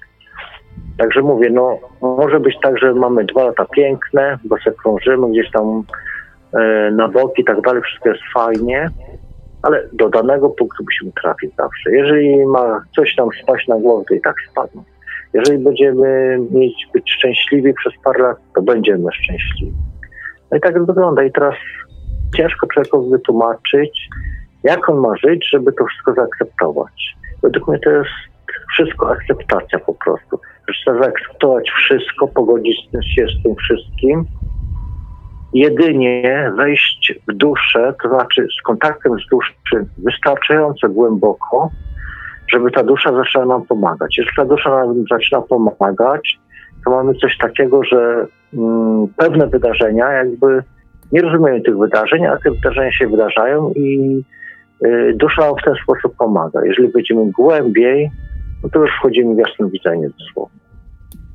Mm, niech pan coś powie, bo chyba Znaczy, nie, ja staram się oczywiście wsłuchać i oczywiście też znajduję mm, pewne Mm, pewne rzeczy, które jakby w naszych, y, nas, nas łączą, ale też znajduję takie rzeczy, które mm, nas y, być może z pozoru mogą e, różnić. Dzielić? Tak, y, i, i, i staram się to jakoś tak właśnie tutaj wyłapać, bo nie robię niestety notatek, a też nie chciałem panu przerywać. Tak. natomiast natomiast y, mm, po, pomijając, że tak powiem, e, tamtą nomenklaturę słowną, tak, co jest podświadomością, co jest, e, co jest świadomością, co jest duszą, e, to mm, no niestety w jednym zakresie się z panem muszę, znaczy pragnę się nie zgodzić, tak? Bo mm, akceptacja, tak, akceptacja jest ważna w życiu. Natomiast są też oczywiście pewne założenia odnośnie e, doświadczeń, czyli tych punktów, o których Pan mówi, że powinniśmy je przeżyć. Tylko Aha. jaki jest cel według Czyli przeznaczenie, pana... jeżeli się rodzimy, to przeżywamy całe życie. A teraz e... pan nie akceptuje pewnych rzeczy i teraz tak. Yy, Natomiast nie, ja chciałem... to jest samochód, nie? A dusza to jest kierowca. I teraz jak samochód może decydować o duszy? Bo w tej chwili często Pan mówi tak, że podświadomość jest bardzo ważna, Pan się nie zgadza z tą podświadomością, Pan ma kosę z tą podświadomością. No i teraz jak może mieć Pan kosę z podświadomością, skoro to jest Pan przeznaczony i dusza decyduje praktycznie, co Pana spotka. I teraz jeżeli chce Pan e, się pogodzić z tą podświadomością, to musi nawiązać Pan ścisły kontakt z duszą, czyli ze świadomością według Pana, żeby to właśnie ogarnąć. I w tym momencie ta kosa zniknie. Eee, Ale mówię, to jest samochód kierowca. Nie można, pan troszeczkę tak robi takiego, że e, ta podświadomość jest ważniejsza od duszy. Nie, to nieprawda. Jest jeszcze trzecie pojęcie według mojego, tego jest nadświadomość. Nadświadomość to jest coś takiego, co się wydarza w życiu człowieka w ciągu pięciu minut. Ja to nazwał sądem ostatecznym, końcowym, przeżycie całego życia w ciągu pięciu minut. Tylko, że jak pan to przeżyje w ciągu pięciu minut, to po trzech, czterech godzinach yy, wszystko zanika w tej pamięci i tylko pewne zdania zostają. I człowiek jest w stanie wejść w nadświadomość, żeby pewne rzeczy się dowiedzieć. Dobra, teraz pana ten tematy, bo już tam trochę panu przerwałem. Okej, okay. znaczy nie, no staram się, mówię, zrozumieć i nadążyć za, za, za, za pana tokiem myślenia. Natomiast ja wrócę do tego, co, co zacząłem mówić. Jeżeli mamy jakieś zaplanowane punkty, w których Aha, musimy się pojawić, czyli, czyli, dość, czyli jakieś konkretne sytuacje, jakieś konkretne doświadczenia, które musimy przeżyć, prawda? Aha, dokładnie. Co nam jeszcze zostało przeznaczone? Dobrze. Zostało nam to przeznaczone poprzez plan naszej duszy, tak? Mm, to znaczy nie. Po to się urodziliśmy, żeby pewne rzeczy przeżyć. Czyli to jakby te pewne rzeczy zostały nam zaplanowane jeszcze przed naszym urodzeniem. Dokładnie to wybraliśmy. Jako dusza tak, Okej, okay, dobra, dobra. Jako dusza, czyli to jest jakby zgodne z planem naszej duszy, prawda? No, przeznaczenie takie tam między nami. Dobra, to teraz jak Pana zdaniem, jaki jest sens, że mamy, jaki jest cel tego, że mamy coś takiego przeżyć? Po co? W Pana przekonaniu. Hmm, to znaczy, my musimy to przeżyć, bo to jest nasze przeznaczenie i to wybraliśmy. Teraz no tak, dobra, ale z y, jakiegoś powodu, wie Pan. Świadomość, tak, ale nie, świadomość nie, przeżywa uczucia, miłość, nienawiść, krzywdę, ból. Yy, świadomość, mhm. świadomość, dobrze teraz chyba trafiam, świadomość nie przeżywa nic, żadnych uczuć, nic takiego. Świadomość to jest energia. Energia, która praktycznie się żywi pod świadomością. Ona to przeżywa no i ona to wszystko wie tak dalej, to jest w sumie jak dwa światy dosłownie. Podświadomość no. to jest jeden świat, na świadom, yy, świadomość to jest inny świat. Czyli tak, jak pan żyje, to ma pan inną świadomość, jak pan umiera, to zupełnie pan ma inną świadomość. I to Co do tego się zgadzamy. Natomiast ja cały czas. po prostu. E, natomiast ja cały czas. E, chciałbym, żeby według e, jakby tej pana opinii, teorii i poglądu, żeby pan mi wytłumaczył, że skoro jest jakieś przeznaczenie, czyli coś musimy przeżyć w życiu, to musimy to przeżyć z jakiegoś powodu. Prawda? Bo to nie Myślę, że dzieje się na takiej zasadzie, że dusza przed. Mm, kwestia, energii.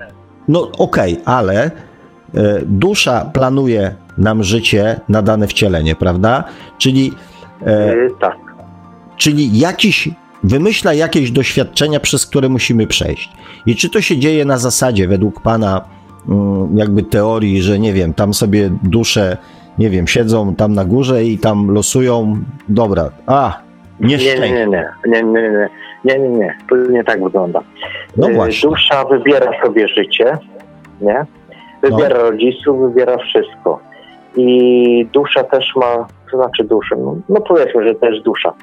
I dusza ma coś takiego, że może sobie wybrać, ale ona nie ma takiego wyboru, że sobie wybierze, no dobra, to chcę być milionerem, czy chcę być czymś takim. Nie ma, tylko ma określony y, jakby wybór i teraz albo wybiera to, albo wybiera tamto. I teraz tak, y, czasami jest coś takiego, że dusza wybiera środowisko, w którym była wcześniej. I w tym środowisku brnie cały czas.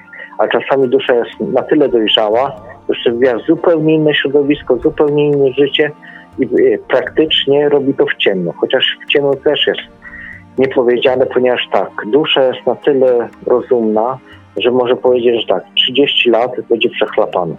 A te 7 lat będzie tak piękne, że ona wybierze właśnie te życie, a następne lata już też będą przechlapane, nie? Ale dla niej jest ważne tylko te 7 lat dobrych i ona chce to zrobić. I dlatego wybierze całe życie.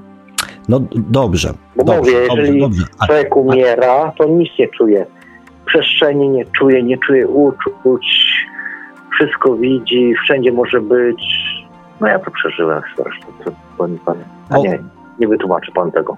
Mm, Znaczy, być może nawet nie będzie pan musiał mi tego zbytnio tłumaczyć, tak? Natomiast e, ja e, być może ja to, być może ja to mm, doskonale rozumiem. E, Ale ja cały czas wracam do jednego, ponieważ nie chcę jakby być tą osobą, która będzie tylko jakby e, przepychać swoje poglądy, tylko chciałbym, żebyśmy wspólnie. Dobre poglądy przepycha. E, natomiast nie, no chciałbym tutaj by, by, jakby przeprowadzić też, y, y, jakby zastanowić się nad Pana rozumowaniem, bo być może, e, bo być może w moim rozumowaniu czegoś brakuje. Dlatego chcę zrozumieć, jeżeli dusza wybiera jakieś doświadczenia, to robi to jak, z jakiegoś powodu. I Yy, pytam się, tak, chciałem się dowiedzieć, z jakiego powodu. Funduje nam Yy, tutaj też- na Ziemi konkretne doświadczenia. E, Kwestia uczuć to jest tylko po prostu, bo e, jak pan zasiada do stołu, to chce pan zjeść słodkie, gorzkie, pieprzne i tak dalej. Tak samo jest z duszą. Ona chce też e, pewne doświadczenia przeżyć i ona tak to robi, jakby do stołu siadała po prostu. Pewne uczucie musi przeżyć i no powiedzmy, zasiadła do stołu i nigdy nie jadła, no, rzutkiewki załóżmy, nie? A w tym życiu będzie 7 lat rzutkiewki, nie? No, no okej. No i tak to właśnie wygląda, no. I czasami Czyli- jest tak, że no, te, te życie jest takie, no niby fajne tak dalej dla nas, co żyjemy pod, y, pod świadomością, a dla tej duszy najbardziej jest ważne te, no powiedzmy 5-6 lat.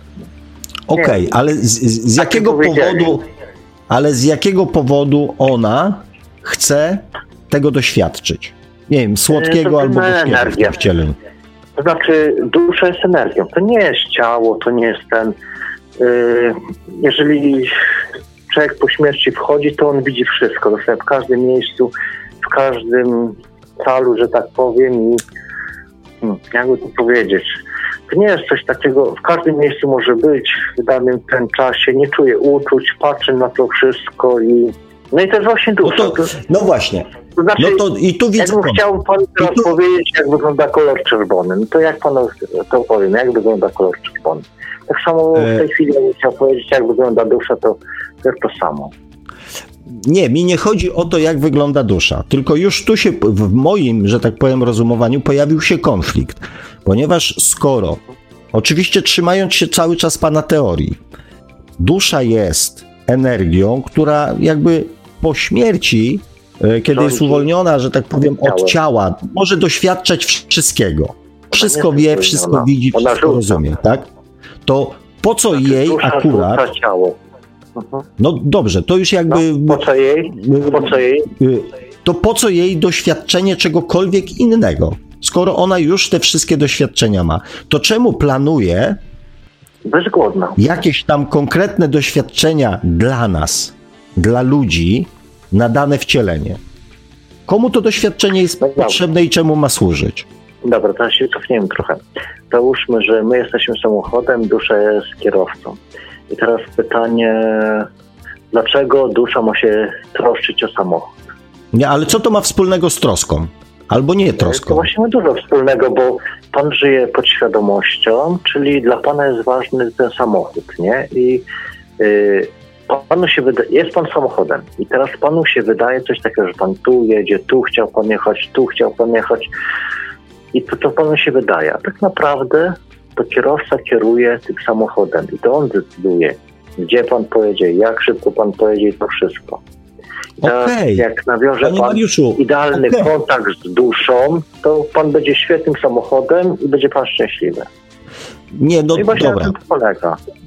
Ja, że tak powiem, e, ja, że tak powiem, e, jakby No, pana tylko sposób, jechać, no. Pana sposób rozumowania mniej więcej, czy tam e, teorii, czy, czy, czy myślenia, czy doświadczeń, czy przemyśleń poznałem, tak?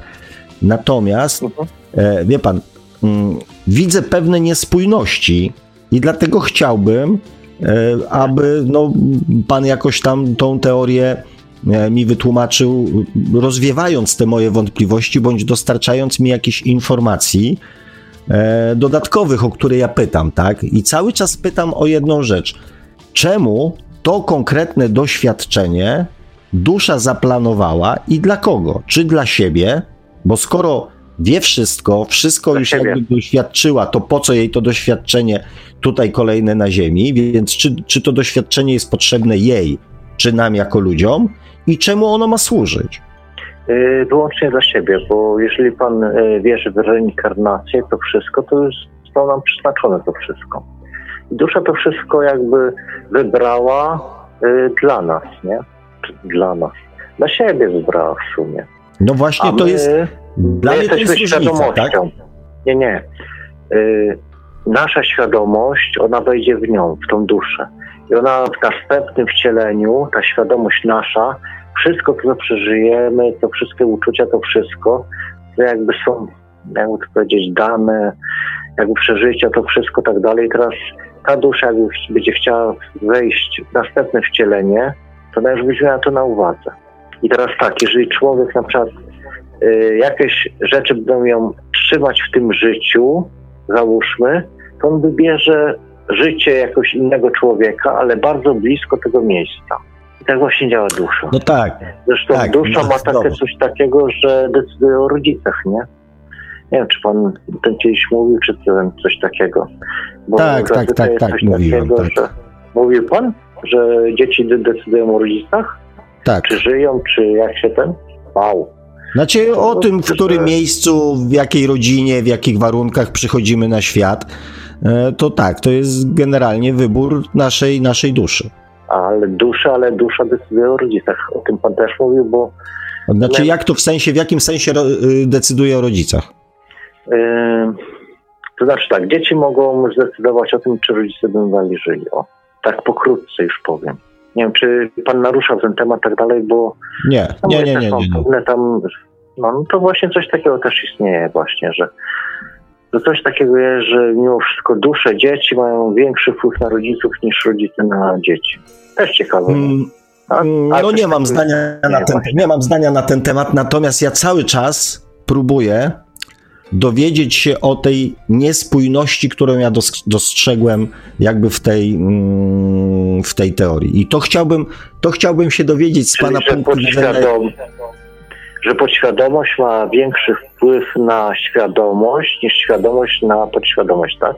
O to chodzi. Nie, nie, nie, nie. Dobra, to ja już powiem z mojego punktu, jak to widzę, jak, jak to, że tak powiem, wygląda, tak? Jeżeli mamy, No. e, jeżeli dusza jest tą świadomością taką bardzo, bardzo, bardzo świadomą, Bardzo decydującą. Mhm. bardzo decydującą, Mhm. czyli jej jakby doświadczanie samo w sobie nie jest już do niczego potrzebne. wie pan, to tak jak w moim przekonaniu, jakbym e, miał No kontakt. jest, jest potrzebne. Po co? W jakim celu? No bo mm, to znaczy czas jest jeszcze ten. Dla nas powiedzmy 100 lat to jest mnóstwo czasu. Dla duszy to jest ułamek sekundy. I ona chce w odpowiednim czasie osiągnąć to, co ona chce. I teraz y, załóżmy, y, pan składa meble, nie? I teraz w pewnym momencie dla pana najważniejszym elementem jest to, jak pan złoży te meble i zobaczy, że one są gotowe. Tak samo jest z duszą. Ona musi zobaczyć pewien moment, pewne wydarzenia, tak dalej. I to jest prawa przyjemność. A same tam wkręcanie śrubek, czy tam wbijanie kołków, to dla niej to nie jest takie ten, tylko ona musi to zrobić, żeby zobaczyć efekt końcowy, czy efekt pośredni nawet. No ale po co jej to doświadczenie jest? Bo chce, a jak pan składa meble, załóżmy, to e, największą radość to panu sprawia. Jak pan półki włoży, czy jak skończy już całość? E, znaczy ja na różnych etapach czerpię różne, że tak powiem, przyjemności. E, Natomiast tak, zawsze, zawsze finish mi, mi najbardziej jakby odpowiada, bo wiem, że coś skończyłem i mogę wziąć się za następną rzecz. Natomiast mi chodzi No o jedną właśnie. rzecz. W przypadku, kiedy Słucham. Zaczynamy myśleć o duszy, o świadomości jako instancji nadrzędnej, która planuje życie, Nie planuje planuję, momenty, planuje doświadczenia i robi to tylko i wyłącznie na swój własny użytek, to kim staje się w tym momencie człowiek? Samochodem, który jedzie. Mm, Dokładnie. Jak on E, będzie jechał, jak on będzie wyglądał, to wszystko zależy od duszy. mm, czyli staje się tak jakby narzędziem, ścisły, tak, dokładnie. e, narzędziem, no dobra, to w takim razie po co, po co, jeżeli przyjmiemy zasadę, że mm, jesteśmy stworzeni przez jakąś istotę rozumną, No, tak samo jak dusza. tak, to w tym momencie przypisywanie nam roli samochodu Mhm. Jest jest y, okej. część duszy. Okej, jest okej, tylko różnica pomiędzy człowiekiem a samochodem jest taka, że samochód nie ma emocji, a my jako ludzie mamy emocje. I teraz tak, mamy w tej chwili w takim razie taką sytuację, że Pan Bóg, przyjmijmy go jako Pan Bóg, czyli powiedzmy stwórca, tak? Tworzy duszę i tworzy człowieka. Mhm. On jako źródło wszelkiej miłości, miłości bezwarunkowej, tworzy jakby sytuację patologiczno wyzyskiwa- wy- wyzyskującą, czyli dusza planuje wszystko, ma na wszystko wpływ, doświadcza dla samej siebie, natomiast wykorzystuje człowieka i jego emocje do zdobywania doświadczenia dla siebie, które później w jakiś sposób tam sobie wykorzysta albo nie, chociaż nie potrzebuje, bo już i tak wie wszystko. A człowiek tutaj przez 10, 20, 30, 57 czy 100 lat mota się ze swoimi emocjami, chociaż na nic nie ma wpływu. Jest wykorzystywany przez swojego stwórcę, umiłowanego, który stworzył mu duszę, po to, żeby on swoje życie przeżył jak marionetka przyczepiona do sznurka jeszcze do tego ciskał się na tych sznurkach, myśląc, że ma na to jakikolwiek wpływ. Dobra, troszeczkę źle ten, te pojęcia trochę określiłem, samochód i kierowca. Teraz y, weźmy trochę inne pojęcia, że dusza to jest wielki komputer, a y, ciało to jest mały, mały, małe programy, małe ten. Teraz ta dusza potrzebuje te małe programy do swojego całego komputera, żeby ona dobrze funkcjonować. O, lepiej? W dalszym ciągu komputer jest pozbawiony emocji. Jest. Zupełnie jest pozbawiony emocji. On, y, A my, jako ludzie, jesteśmy jakby osobami bardzo, bardzo, że tak powiem, emocjonującymi. Ja rozumiem, dusza No tak, jest ale- pozbawiona emocji i może tym założeniu, może w tym założeniu jakby obserwować, tak? Zrobię człowiekowi takiego psikusa, że go wpędzę tam, nie wiem, w jakiś patologiczny związek i popatrzę, poodczuwam, jak on się w tym wszystkim mota, jak on to przeżywa, jak rośnie w nim złość, jak rośnie w nim e, nienawiść, jak rosną, tak? To taki jest sens tego doświadczenia? Tak, Wszystko, wszystkie uczucia człowieka są potrzebne duszy. I teraz, teraz wy- uszła mi ta myśl i teraz Może Po co są potrzebne duszy te, te emocje? Bo wie pan, to tak, tworzymy nie, taką. inna emocja, teraz chwila. Y, Bo jeżeli na przykład y, dusza ma tych reinkarnacji powiedzmy 20-30, to ona musi mieć te wszystkie programy, nie? I teraz jeżeli dusza, jedna dusza ma 20 reinkarnacji, teraz y, powiedzmy co jest ważniejsze, dusza czy jedno z tych 20 reinkarnacji. I teraz Ale w tak jakim- y, troszeczkę duży, silny nacisk kłaść na tą jedną reinkarnację, w której ja żyję, w której, w której Pan żyje, to jest troszeczkę błędne, nie? Bo dusza jest naprawdę dużo większa i z tego, co ja już doświadczyłem wcześniej, y, dusza może mieć w danym czasie kilka ciał. Okej, Fajne, nie? tu się. e, Nie, tu się akurat z panem zgadzam. E, Nie ma, nie, nie, nie, tego nie neguję. Tylko ja cały czas nie rozumiem, nie mogę zrozumieć w tej, w tym, przy tym założeniu sensu tego doświadczenia. Bo skoro dusza z jakiegoś Człowieka. powodu decyduje się na pobyt Też na Ziemi, rozumiem. No, wie pan, no ja staram się jednak e, jakby pewne rzeczy, jeżeli je mam Nie, zaakceptować, to to jest staram się. kwestia energii, kwestia uczuć, kwestia tego wszystkiego i dusza to czerpie, nie? Z, ten, z całego życia. Teraz e, Tylko po co ona to czerpie? Jest, bo lubi, siedzi przy stole i lubi sobie słodkie pojeść, kwaśne i tam inne rzeczy. No, ta, no ale to po co, że tak powiem, wykorzystuje, wykorzystuje do tego człowieka? Dusza, która jest siedliskiem świadomości, siedliskiem mm, wszej, wszechwiedzy i miłości, myśli pan, że byłaby w stanie wykorzystać człowieka i patrzeć na jego cierpienie i się z tego cieszyć, No, bo ma ochotę spróbować kompotu? Znaczy, Naprawdę? Się cieszy, ona nie ma uczuć. Nie, dusza nie ma uczuć. No, Teraz jest coś takiego, że to skąd się bierze bezwarunkowa miłość? bezwarunkowa Skąd miłość pochodzi miłość? bo- Skąd pochodzi bezwarunkowa miłość? Nie zakochanie, tylko miłość. Skąd się bierze spokój, No dobrze, którego ale- doświadczamy podczas podróży ob, OBE? Skąd się bierze szczęście, poczucie szczęścia i Oj. spokoju, wolności, którą doświadczamy podczas e, różnego rodzaju takich sytuacji, w, których, w których jakby odcinamy się od podświadomości? To są uczucia, które, emocje, które płyną ze źródła. Tak, ale jak pan poruszył temat OB, to też jest troszeczkę taki temat troszeczkę chwiejny, że tak powiem, bo e, no, parę razy mi się udało to zrobić i w pewnym momencie się okazuje, że te OB to jest tam powiedzmy w 30% OB, a w 70% to jest dopisane do mózgu. Mózg dopisał po prostu resztę, nie? Nie, niechby to Nie, było 3%. Niech, ba- No. Panie Mariuszu, niechby to było OB 3%. pokazują, że To jest 100%, nie? Ale to To nie ma znaczenia, proporcje nie, ma, Że nie mają znaczenia. Mi chodzi skąd się bierze, mi chodzi o to skąd się bierze to poczucie radości, spokoju, miłości, czyli emocje, których podobno dusza nie posiada. No nie posiada, ale oczekuje tego. Znaczy oczekuje od nas? E, Ludzie, którzy tak, przeżyli, Tak. ludzie, którzy opisują, ludzie, którzy opisują swoją śmierć, Mm, czyli wyłączenie swojego stanu podświadomości, opisują kilka stanów emocjonalnych, które są stałe. Bo to, czy tam widzą światełko w tunelu, czy nie widzą, i tak dalej, i tak No, dalej. Ciemne To są, to są jakby inne rzeczy. Natomiast emocji nie ma opis. No jak nie ma? Tam nie ma żadnych emocji. Nie ma, ja już widziałem wszystko ten po śmierci. Widziałem ludzi, widziałem, którzy cierpią, wszystko widziałem, tak dalej.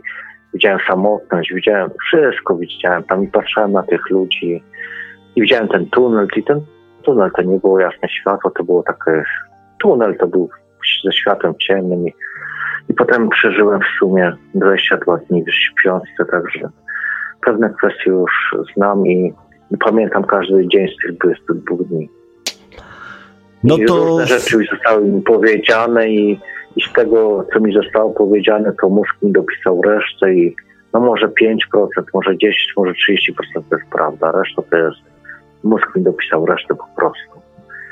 Pewne wydarzenia, pewne miejsca, pewne inne rzeczy. To, to nie ma czegoś takiego. To, tam jest pust, pustka, to nie można nazwać jak pustką. Tam, tam niby ta dusza wszystko wie, wszystko czuje, wszystko tam, ale widzi wszystkie emocje. On coś wrażenia nie ma. Ja widziałem ludzi, którzy tak cierpią dosłownie, że teraz jakbym zobaczył to jeszcze raz ten normalnie jak tutaj siedzę, to, to bym już nie wyszedł z tego po prostu. A wtedy trzałem wszystko po kolei, było wszystko. To znaczy, A, ja, po, ja powiem tak, nie chcę wracać. z jednym się z panem zgadzam, znaczy z kilkoma rzeczami się z, z, z panem, że tak powiem, zgadzam, choć pewnie nazwałbym je inaczej.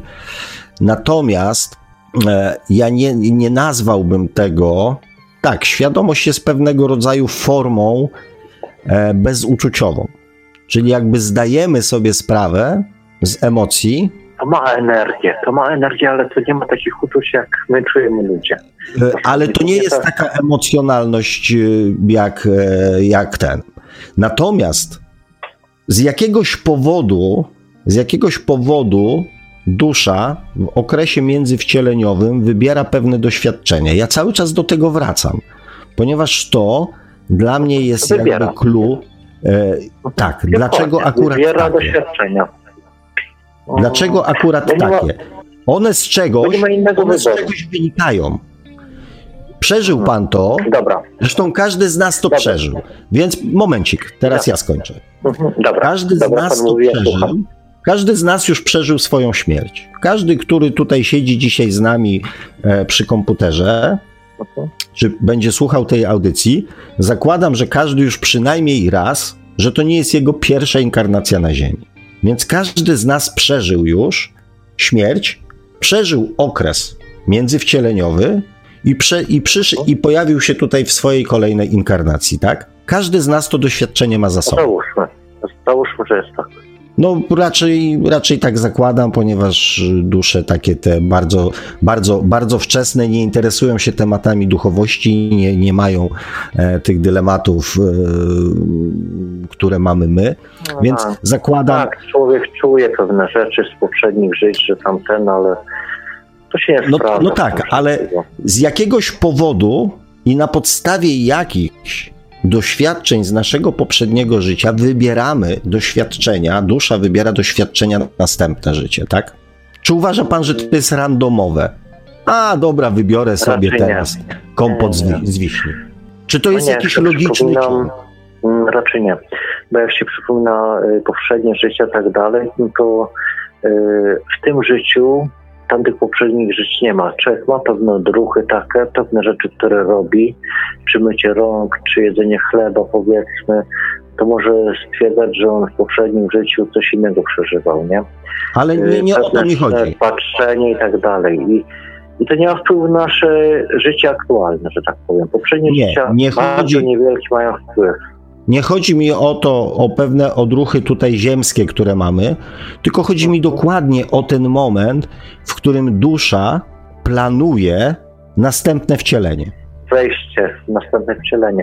To Tak. mówię, to następne wcielenie jest z tym związane, że y, coś chce jeszcze przeżyć, a poza tym y, dusza może być związana y, z poprzednim wcieleniem, tak, że wybiera odpowiednie, mm, odpowiednie, teraz jak pan to powiedzieć, żeby pan zrozumiał, albo odpowiednie środowisko, w którym ona będzie chciała żyła, żyć, lub y, będzie wybierać coś takiego, że musi spotkać odpowiednie dusze Co to znaczy odpowiednie? wcieleniu. Odpowiednie do czego? Mm, Widocznie te dusze, które w poprzednich wcieleniach ona była. Zresztą y, to nie ma Wie czegoś pan, takiego, pan powiedział, że wybiera- matko. Że może wyżyć obok, albo w innym towarzystwie, albo w tym samym. No, no to czy to jest Tak. randomowe, czy to jest na zasadzie losowania, czy to ma jakiś sens? Czy to jest jakaś nie, logika w tym? ma swoich, dusza ma też swoje plemiona jakby. I jeżeli są jakby, no powiedzmy, załóżmy, że 50 dusz jest bratnie, to ta dusza może wybrać coś takiego, takie środowisko, żeby spotkać się przynajmniej z jedną duszą, która jest jej bratnia. Też może być coś takiego. I dlatego wybiera powiedzmy takie środowisko, takie ten, takich rodziców, tego wszystkiego. Czyli jest, w tym jest jakiś, czyli jest w tym jakiś cel. Wszystko jest powiązane, jakby nie patrzeć. Ja, panie Mariuszu, cały czas próbuję, i to nie to, że próbuję, żebyśmy mieli jasność. Pan podchodzi trochę może do tej rozmowy tak, że pan próbuje mi to wytłumaczyć. E, a ja raczej Troszeczkę próbuję. Tak, troszeczkę inaczej rozumiem tego, a to co pan mówi, to jak się w pana dobrze wsłucham, to doskonale pana rozumiem wszystko. Także to też mnie zachwyca troszeczkę i mówię, że pan mówi dobrze. Mm, super, bardzo się cieszę, natomiast wie pan, no to jakby nie jest tylko nasza rozmowa tutaj i wiem, że też słuchają ją inni ludzie i chciałbym, mm, żeby, żeby też może trochę w imieniu mm, słuchaczy e, zadaję pewne pytania, ponieważ ja oczywiście z tym, co pan powiedział, się nie do końca zgadzam. Więc może już, żeby już nie, nie, nie, nie, nie drążyć tego tematu tak, że ja panu tam zadaję pytania, ja powiem, w którym momencie ja się, e, że tak powiem, nie zgadzam. Przede wszystkim nie Dobra, zgadzam się w tym, nie no, y, przede wszystkim nie zgadzam się z tym, że Tak.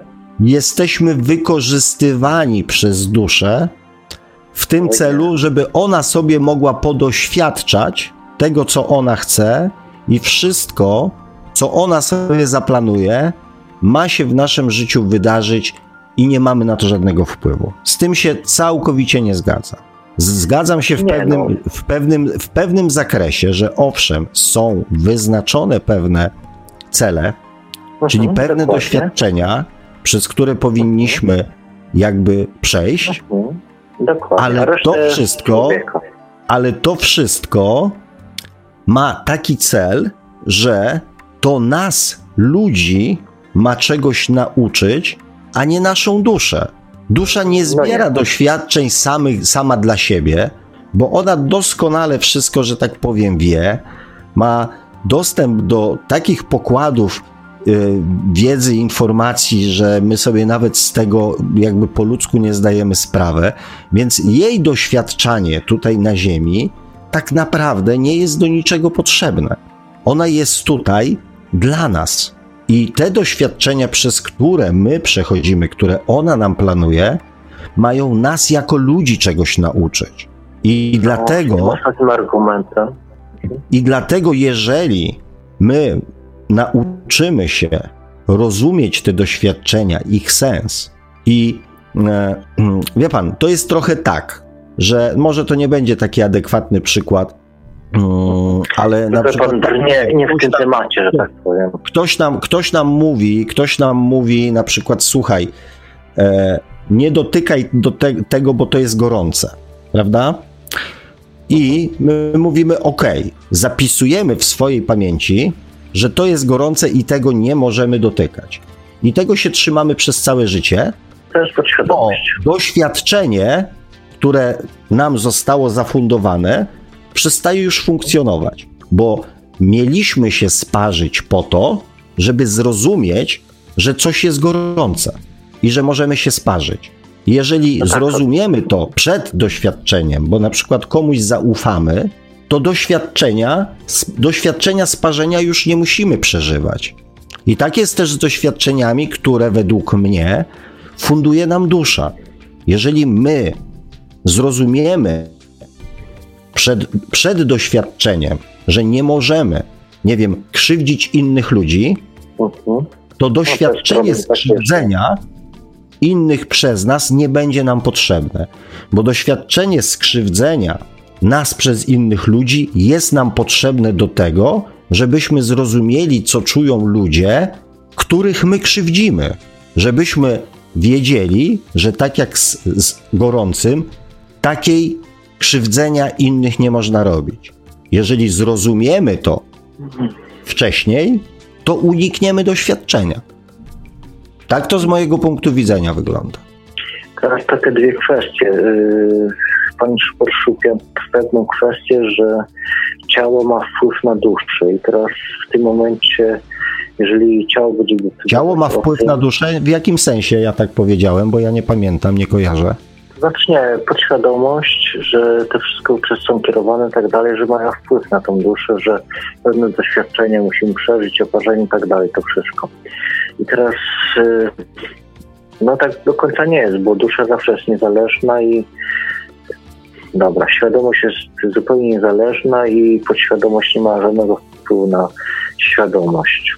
Teraz druga kwestia jest coś takiego, że e, krzywdzenie innych ludzi. To dla mnie to też jest problem niesamowity i, to jest nie do przyjęcia, że tak powiem, ale z drugiej strony, jeżeli wszyscy ludzie byli piękni, dobrzy i tak dalej, to byśmy żyli w raju, a jeżeli patrzymy na ten świat, to ten świat bardziej przypomina nam piekło niż raj, nie?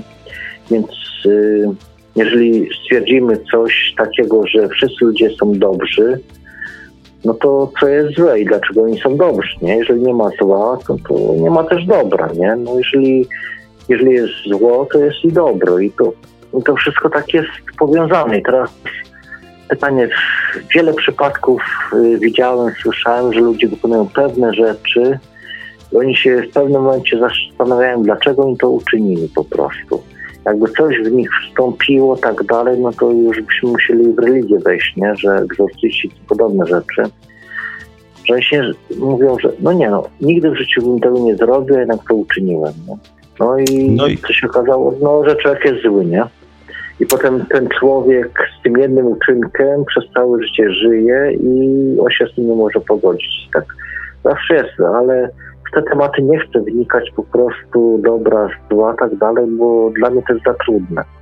Widziałem znaczy... wiele rzeczy, wiele innych rzeczy, ale to z tym się nie potrafię pogodzić do tej pory. Znaczy... Mm, Zła i dobra. Mm, wie pan, to znaczy... Mm, zło i dobro ma bardzo, bardzo, że tak powiem, e, prostą, e, prostą definicję, tak?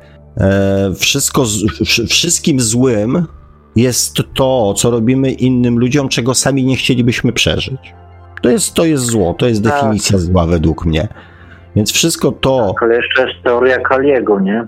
Kali ukraść krowy, no to jest wszystko w porządku, ale Kaliemu ukraść krowy, no to jest zła rzecz. No to... A, no i, i widzi pan, i tu wchodzimy no, właśnie, właśnie. W, te w te zagadnienia, które ja rozróżniam, tak?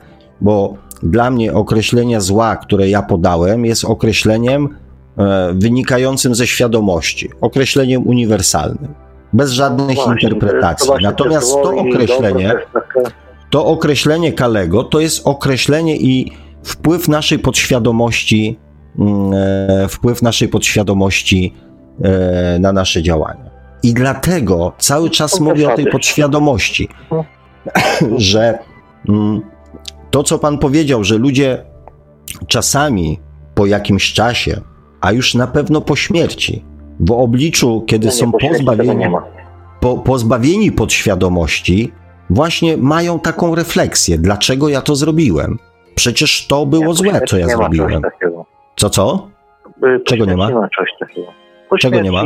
Nie ma pan nic. Nie ma nic. Nie ma, co pan y, posiadał, y, jakie uczucia, jaką rodzinę, nic nie ma po śmierci. Po śmierci jest zupełnie inne życie. No i tu się akurat y, z, z, moj, z moich doświadczeń.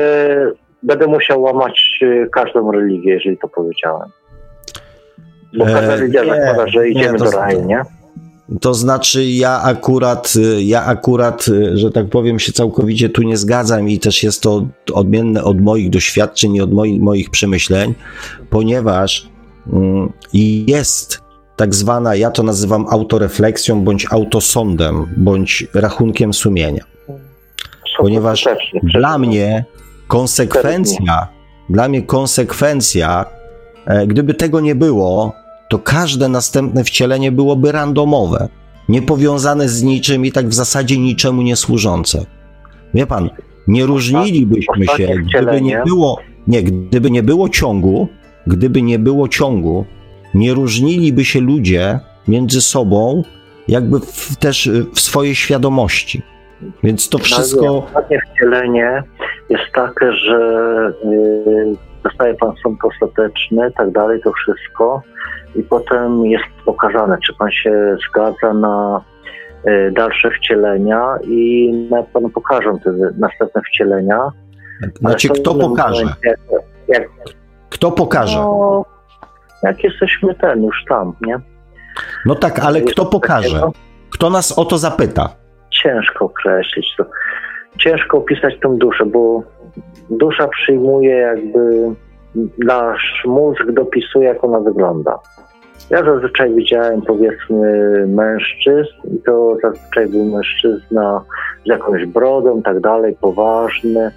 Żadnej kobiety nie widziałem na przykład tam i było coś bardzo fajnego, bo trzy dni to było, całe moje życie zostało prześwietlone i się bałem strasznie czwartego dnia, nie, że do piekła mnie ześlą, nie.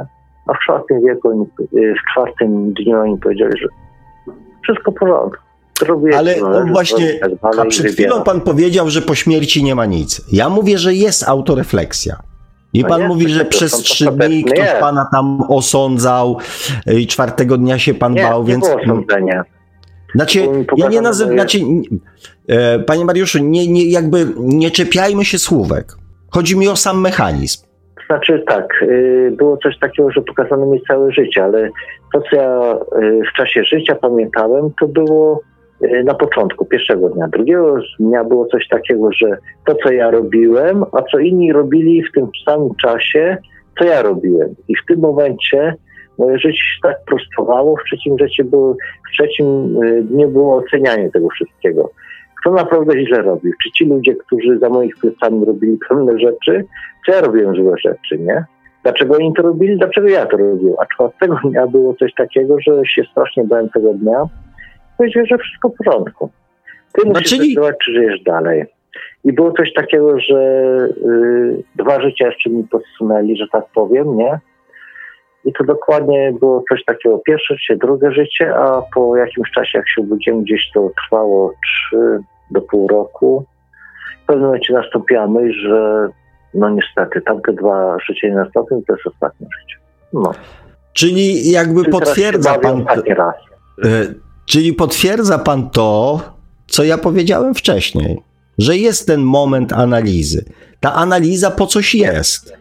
Jest coś takiego, że całe życie jest prześwietlane, ale no, żaden człowiek no. nie jest w stanie zobaczyć tego, tego rachunku sumienia dosłownie, y, żyjąc bieżąco bo człowiek mówi, że robi źle, tak dalej, a jak zobaczy tą drugą stronę, co ci ludzie robią dla niego, dlaczego on to robił źle, to wszystko to inaczej zupełnie na to patrzy.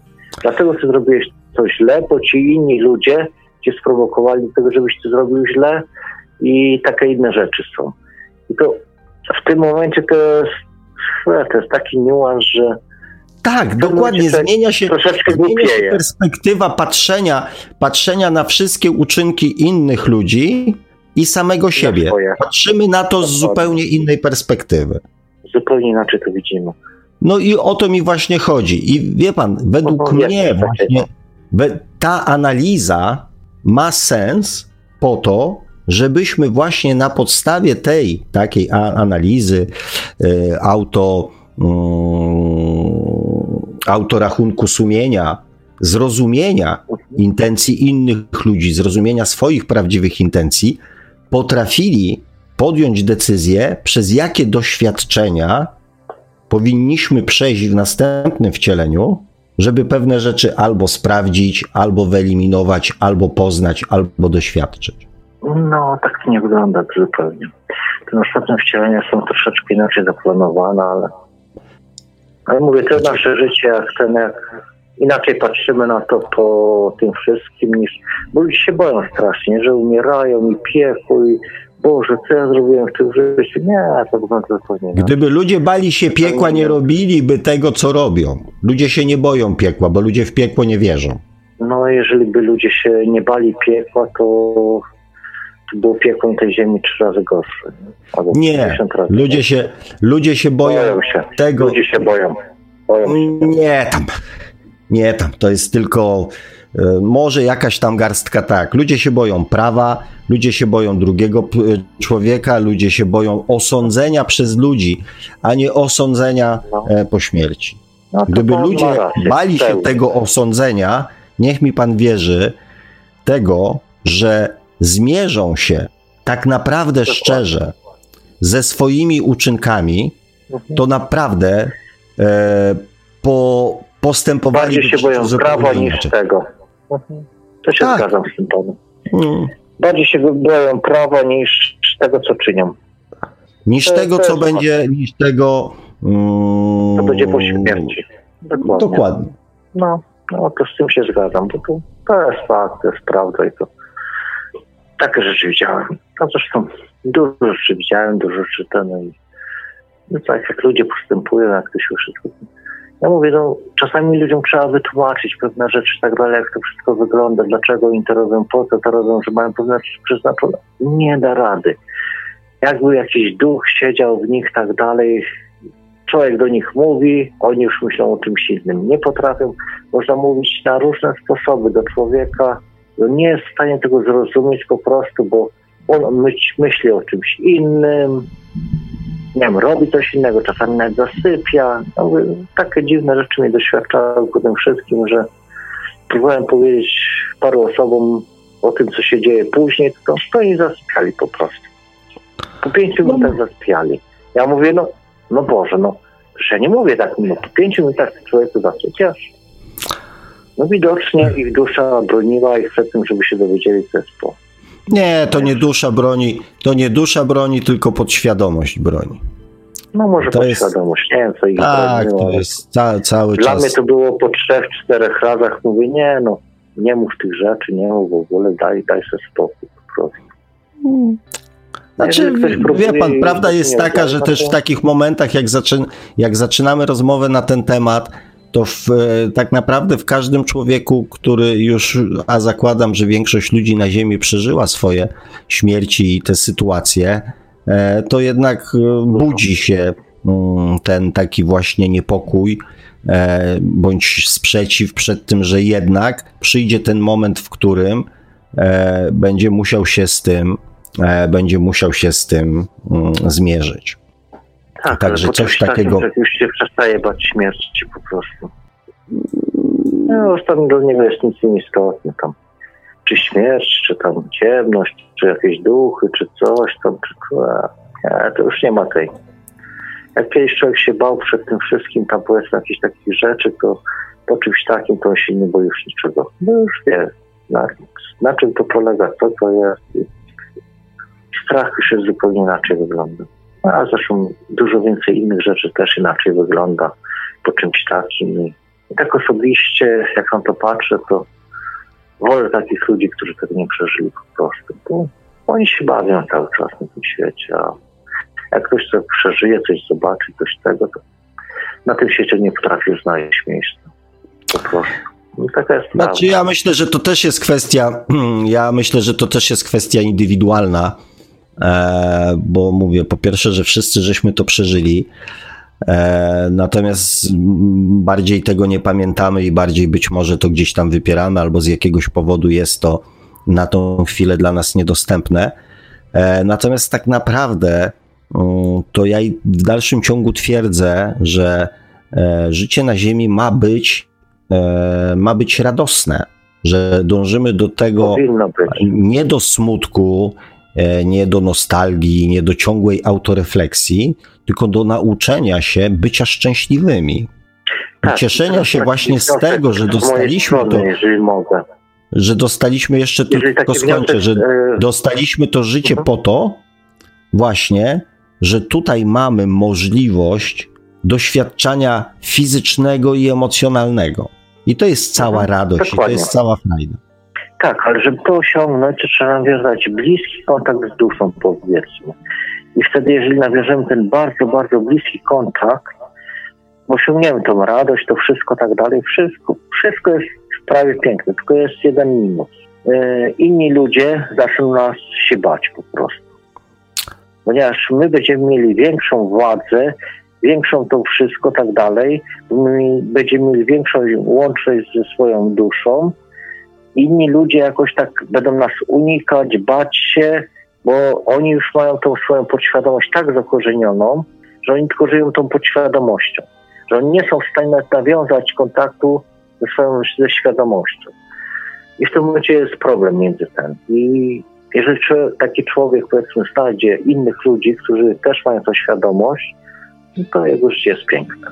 A jeżeli nie nawiąże kontaktu przynajmniej z jedną osobą taką, to jego życie jest bardzo, bardzo trudne tutaj, bo inni ludzie, oni żyją no, inaczej. E, szympansy żyją w, w świecie szympansów, goryle żyją w świecie gorylów, nie? No i teraz jeżeli goryl wejdzie w szympansów, no to no niestety on zawsze zostaje inaczej oceniony. Nie? Czyli jeżeli człowiek ma silną świadomość ze swoją duszą, to już inni na niego patrzą, tak, no nie pasuje do nas, nie? No i tak Znaczy, właśnie założyłem te właśnie. Wie pan, i tu się zaczyna, i tu się zaczyna nakładka podświadomości. To, że nie pasuje, to No. jest już nakładka Nie podświadomości. nie. To jest nakładka podświadomości. A czy ja Nie, muszę, nie pasuje tylko dlatego. czy ja muszę komuś pasować? No to wejdziemy do następnego tematu, kochaj siebie, tak? I ten temat No więc, dla mnie też y- jest troszeczkę błędny. Yy, bardziej by mi pasował yy, temat kochaj innych, ale kochać innych to jest trochę, też trochę trudny temat. Bo jak zaczynasz kochać bardziej innych niż siebie, to jesteś wykorzystywany po prostu po całości. No. No i też trzeba Dlatego- umieć kochać innych, żeby nie zostać wykorzystanym i kochać też właśnie siebie. I to, to Nie, jest też dlatego tak bardzo miłość, trudny temat, że dlatego miłość, naukę, naukę miłości, czy tam rozwój miłości powinno się zaczynać od e, uczenia miłości do samego siebie. no tak, ale kochanie do samego siebie też nic nie daje, bo Dlaczego? nie wejdzie w duszę. W duszę No jak wejdzie. to nie? Jeżeli dopiero jak zacznie kochać innych ludzi, to może nawiązać bliski kontakt z duszą. Jeżeli Nie. nie, będzie tylko kochał samego siebie, to nie nawiąże bliskiego kontaktu z duszą. Nieprawda. Nieprawda. No, Miłość jest miłością. Według, według mojego doświadczenia tak jest właśnie. A to może tutaj weszliśmy, a to może właśnie weszliśmy tutaj e, w, w temat, e, który, który gdzieś pana bardzo osobiście dotyczy, bo mo, może właśnie e, gdzieś ten smutek, ten jakiś taki mm, ta właśnie taka wewnętrzna akceptacja, a raczej pogodzenie się z pewnymi rzeczami wynika z tego, że nie nauczył się pan kochać samego siebie. Znaczy nie, no kochać samego siebie tak, to jest logiczne, tak dalej, tak, ale to też ciężko osiągnąć. Ale mówię, y, trudniej jest kochać innych, kochając samego siebie. O, w ten sposób powiem to. Kochanie innych, bo zazwyczaj ludzie kochają tylko innych po to, żeby kochać bardziej samych siebie. No. No dobra, nie, nie wchodźmy jakby, bo zaczynamy wchodzić znowu, w, 95% y, podświadomości, nie? Bo zaczynamy wchodzić, że tak No. powiem, w tematykę innych ludzi, niech, każdy, niech inni ludzie robią tak, jak uważają, jak czują, jak mają potrzebę, bądź jaką mają podświadomość, tak? E, I, i, I ja owszem tam operuję przykładami powiedzmy ludzi, ale bardziej w kategoriach nie, nie oceniania, tylko bardziej e, jakby dania przykładu czy, czy pokazania mechanizmu. Mm, Także nie, ja nie, nie, nie wchodzę tutaj w, w tematykę, co, co gdzieś tam inni ludzie robią, tylko dlatego, żeby pokazać, co inni ludzie robią. Bo co inni ludzie robią, to wiemy. Jedni robią dobre rzeczy, inni robią jeszcze lepsze rzeczy, a jeszcze inni robią złe A rzeczy. niektórzy jeszcze gorsze, nie? Więc, No. więc moglibyśmy, że tak Mają powiem. frajdę tutaj- z tego, z tych gorszych rzeczy. No, jasne. E, więc, więc zostawmy ten temat. Mm, Bardziej może spróbujmy, że tak powiem, e, po, po, podsumować coś, co, mm, co może być przydatne gdzieś tam dla, mm, dla słuchaczy w dalszej, że tak powiem, perspektywie ich życia i jakiegoś tam świadomego, świadomego rozwoju. Bo ogólnie rzecz biorąc, co do większości rzeczy się mm, gdzieś tam zgadzamy i też ważne jest to, że i, i chciałbym, żeby pan to powiedział głośno i wyraźnie, że, że to nie są, mm, to co pan mówi, to nie są informacje wyczytane z książek, tylko są osobistymi przeżyciami, bo ja tak to zrozumiałem, że, że to Z własnego że- że to wszystko jakby y, miał pan okazję mm, doświadczyć z tego, co zrozumiałem podczas, y, Dokładnie. podczas, podczas śpiączki, tak? Pewnie jakiś tam wypadek był, czy coś takiego. Tak, śpiączka, wypadek i tam dziwne rzeczy, które do tej pory nikt nie wierzy w to. Mm. No, tak to wygląda właśnie. Znaczy, tam powiedzmy, ja nie ja, ja w oczekuję. to nawet nie wierzę. Musiałem jeszcze dopisać. Pewne rzeczy wiem, że mózg mi dopisał po prostu tych wydarzeń. Ja w to wszystko, co zobaczyłem, co ten, to ja też w to nie wierzę i, i wiem, że mózg mi dopisał po prostu resztę. Pewne przypadki tam są takie, których nie potrafię wytłumaczyć i muszą być prawdziwe, ale to nie jest 100%. Ja nie wierzę w to, że Naprawdę człowiek tam się powiedzmy w śpiąc wpada, czy tam e, w śmierć wpada i on raz 100% widzi aniołów tak dalej, bliskich, to wszystko. Nie, już się nasłuchałem w internecie różnych rzeczy i 5 do 10% z tych, co inni ludzie mówili, zgadzało się z moimi doświadczeniami, a reszta była inna zupełnie. Także można powiedzieć, że zupełnie coś innego niż inni ludzie. No. No i Na pewno to, co ja przeżyłem, nie było prawdą w 100% na pewno. znaczy ja podczas, jestem po, taki, że wierzę we wszystko. podczas powrotu, wie pan, ja też, e, też zawsze mówię o podróżach obe, że trzeba być ostrożnym, ponieważ e, część właśnie rzeczy i informacji jest dopisywanych przez, e, przez nasz mózg, przez naszą, naszą podświadomość, przez mózg. E, i trzeba umieć to mm, jakby wychwytywać, więc podczas tych doświadczeń, takich jak pan miał, e, dzieją się też bardzo podobne, bardzo podobne rzeczy, tak, bo, e, bo wie pan, spotkać, tak jak ja to czasami padają pytania, tak, czy spotkam po śmierci swoją żonę, nie, więc ja się pytam, z którego wcielenia, Dokładnie jak ona wygląda, nie? Ja też widziałem ludzi, którzy umarli powiedzmy 70-80 lat. Jak w OB wchodziłem, a jak widziałem jak mieli 30 lat. Także no, no to w OB, no to co to było? To było przed moją śmie- y, śpiączką. Także mówię, no widziałem osobę, która no umiera, która ma 80 lat, a ja ją widzę jak ma 30 lat, ona do mnie tylko przemawia jedno zdanie. I to te zdanie, żebym teraz powtórzył, jest ciężko po prostu. Jedno zdanie, nic więcej. Ale tak sensowne, tak znaczące w całym życiu, że... mm, Ale to są takie niuanse, powiedzmy. Tu, tu możemy sobie pogadać, powiedzmy, ten, o takich rzeczach tam, że coś, coś przeżył, powiedzmy, ale być może to ma znaczenie na moje życie, a na pana życie w ogóle nie ma znaczenia po prostu. No tak Znaczy, no, każde, każde, każde doświadczenie, przez które przechodzimy, ma zdecydowanie jakieś, ym, jakiś sens i jakieś znaczenie dla nas samych, tak? I zrozumienie Tak, tego tak. sensu jest też dość, dość istotne, bo, bo często bo często właśnie to jest takie otwarcie się gdzieś tam na innych i na to, żeby żeby co? Żeby tą wiedzę też przekazywać, e, przekazywać innym ludziom, tak? Bo, bo ludzi, którzy wyczytują różne mm, treści mm, w internecie, w książkach, e, w filmach jest dużo i którzy tą wiedzę jakby przekopiowywują i przekazują dalej. E, Natomiast prawda jest taka, że najbardziej wartościowe są te informacje, które, których, e, które przeżył człowiek osobiście i na podstawie em, tych doświadczeń buduje jakieś tam później przemyślenia i to jest moim zdaniem to jest bardzo, e, bardzo istotne i, i bardzo, bardzo wartościowe. Więc em, Znaczy, to budowanie przemyśleń to jest bardzo trudne, bo ja sam tego wielu rzeczy sam nie rozumiem, także jak ja mam komuś tłumaczyć co- coś takiego, no, to jest, to jest niepojęte dla mnie. Jak ja sam tego doskonale nie rozumiem, nie wiem o co chodziło w tym wszystkim, to jak ja mam komuś tłumaczyć to i, i powiedzieć mu pewne rzeczy, ja mogę tylko mu powiedzieć pewne rzeczy, a ty, ty sam to tłumacz, jak to rozumiesz. Nie, No więc- ja będę mu tłumaczył, tam jakieś religie budował. Nie jest to. Znaczy, są pewne rzeczy, nie wiem, techniczne, nie wiem, organizacyjne, logistyczne, które da się wytłumaczyć. Natomiast i tak najbardziej rozwijające dla każdego człowieka e, jest to, co sam przeżyje mm, i co sam, do czego sam dojdzie.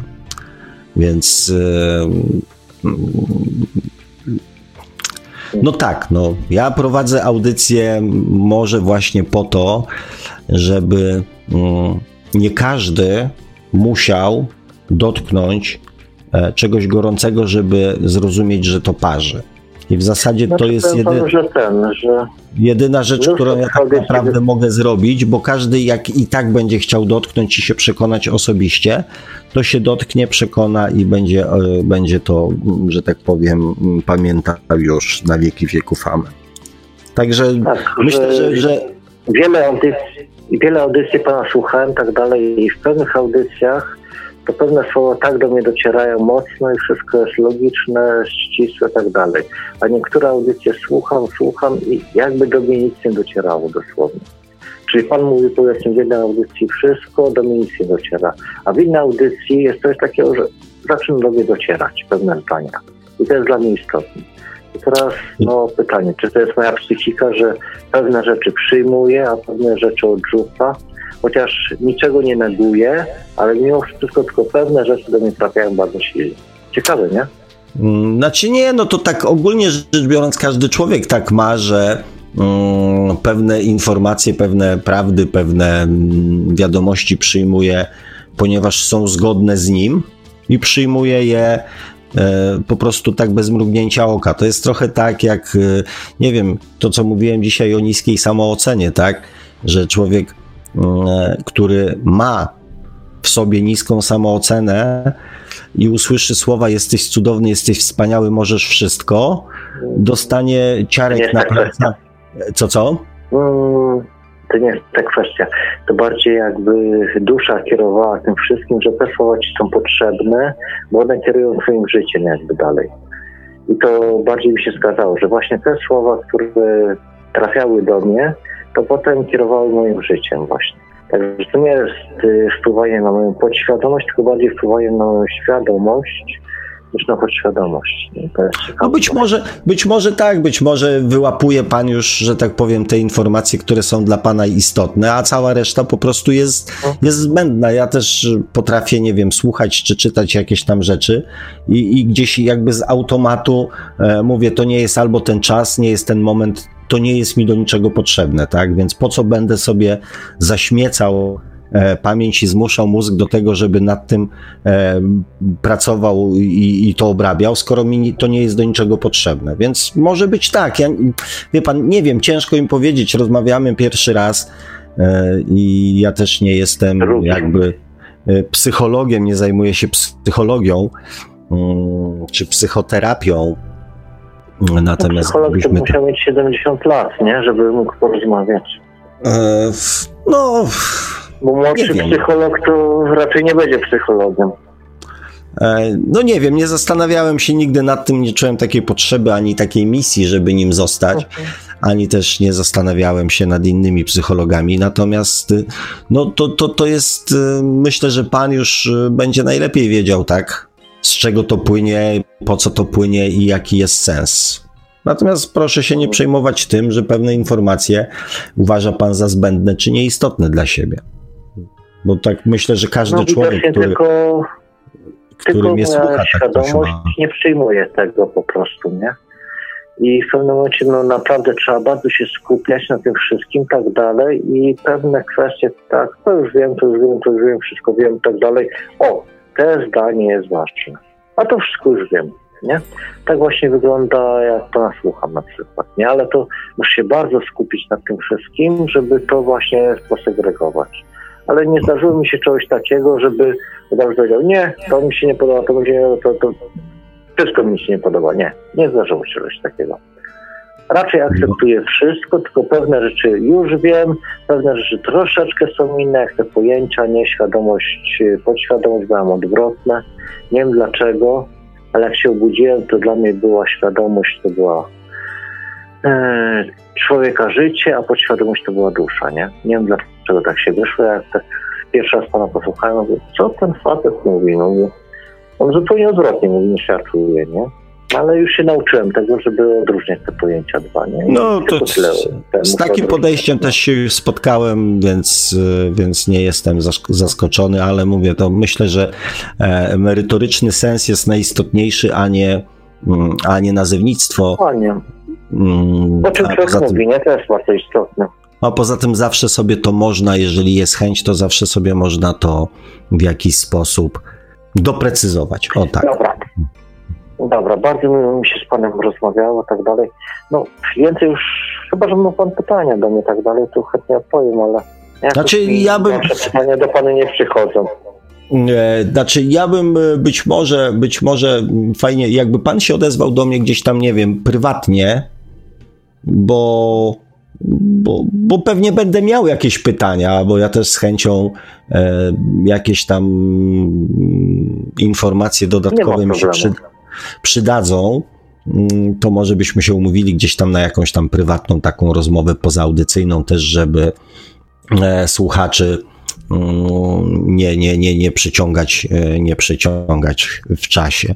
Także bym poprosił o jakiś kontakt. Albo poprzez radio, albo bezpośrednio, albo bezpośrednio do mnie. Dobra? Jasne, nie ma problemu, bo zawsze w jakimś innym czasie mogą być inne tematy, inne nastawienie, ten i może rozmowa zupełnie inaczej przebiegać, nie? Także dzisiaj przebiega ta rozmowa, tak? Za parę dni może przebiegać zupełnie inaczej i prosimy inne tematy.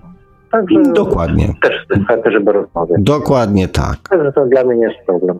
Super. Ja już tam Super. przeciągamy trochę strunę, nie? Bo już Środek nocy już zastał widocznie. Tak jest. Czas, że tak powiem, mm, uwolnić naszych słuchaczy e, i pozwolić im się wyspać przed jutrzejszym dniem. Także Dokładnie. bardzo, bardzo dziękuję za telefon. Bardzo dziękuję za rozmowę. Ja również dziękuję za miłą rozmowę. Miłej e... nocy życzę i miłego jutrzejszego dnia. Dziękuję bardzo. Wszystkiego dobrego. Mam nadzieję, że do usłyszenia. Do usłyszenia. Dziękuję. Dobranoc. Dobranoc. Mm. Mm, dziękuję, dziękuję jeszcze raz za, mm, za telefon. Tu co prawda tak przeglądałem troszeczkę komentarze różne, e, róż, róż, różnie, że tak powiem, się to działo. Kochani, każdy z nas, każdy z Was z pewnością jakieś tam informacje na temat naszej rozmowy e, wyciągnie. E, I z tymi informacjami, i z tymi dylematami, i z tymi przemyśleniami zostawię Was, ponieważ mamy faktycznie prawie godzinę 23, więc mm, czytanie komentarzy, mm, czytanie komentarzy zostawię sobie na czas międzyaudycyjny. E, w sumie to tak nawet chyba miało być, bo mm, jak rano rozmawialiśmy, tam pisaliśmy z panem Markiem, to mówił, że ma wybrany tylko jeden kawałek, mm, albo na przerwę, albo na koniec. No i okazało się, że przerwy dzisiaj nie było, więc panie Marku, e, spokojnie ten jeden kawałek mm, wystarczy na dzisiejszą, na dzisiejszą audycję. E, mm, no cóż, kochani, dziękuję wam. Mam nadzieję, że znowu coś tam, przynajmniej jakieś tam Mm, informacje mm, zapadną w waszych głowach, może sercach nawet. E, no i co? Nie wiem, czy przyszła audy czy audycja w przyszłym tygodniu będzie, ponieważ jest to święto, e, które gdzieś tam zapowiadają i być może mm, ja sobie coś na to święto zaplanuję, ale to e, nasłuchujcie, wyglądajcie i z pewnością dam znaka, czy za tydzień się słyszymy. Za dzisiaj Dziękuję Wam bardzo, jak zawsze, Panu Markowi za obsługę, za pomoc, za cierpliwość, za czas i za udostępnienie mm, anteny też. Was, kochani, bardzo serdecznie pozdrawiam. Życzę dobrej nocy. No i cóż, i do, do mam nadzieję, że do usłyszenia za tydzień. A mówił do do Państwa jak zawsze gospodarz audycji Światło Czajmy Duszy, pan Sławek Bączkowski. Tradycyjnie, nieustająco zachęcamy do sięgnięcia po książkę pana Sławka Czy można oszukać przeznaczenie, czyli po co człowiekowi dusza. Książka dostępna w wersjach drukowanej, elektronicznej oraz jako audiobook.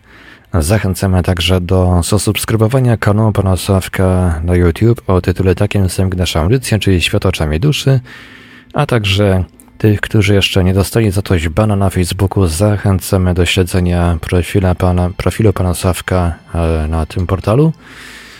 Audycję jak zawsze stronę technicznie obsługiwał Marek Sękiewelius, Radio Paranormalium, Paranormalny Głos w Twoim domu.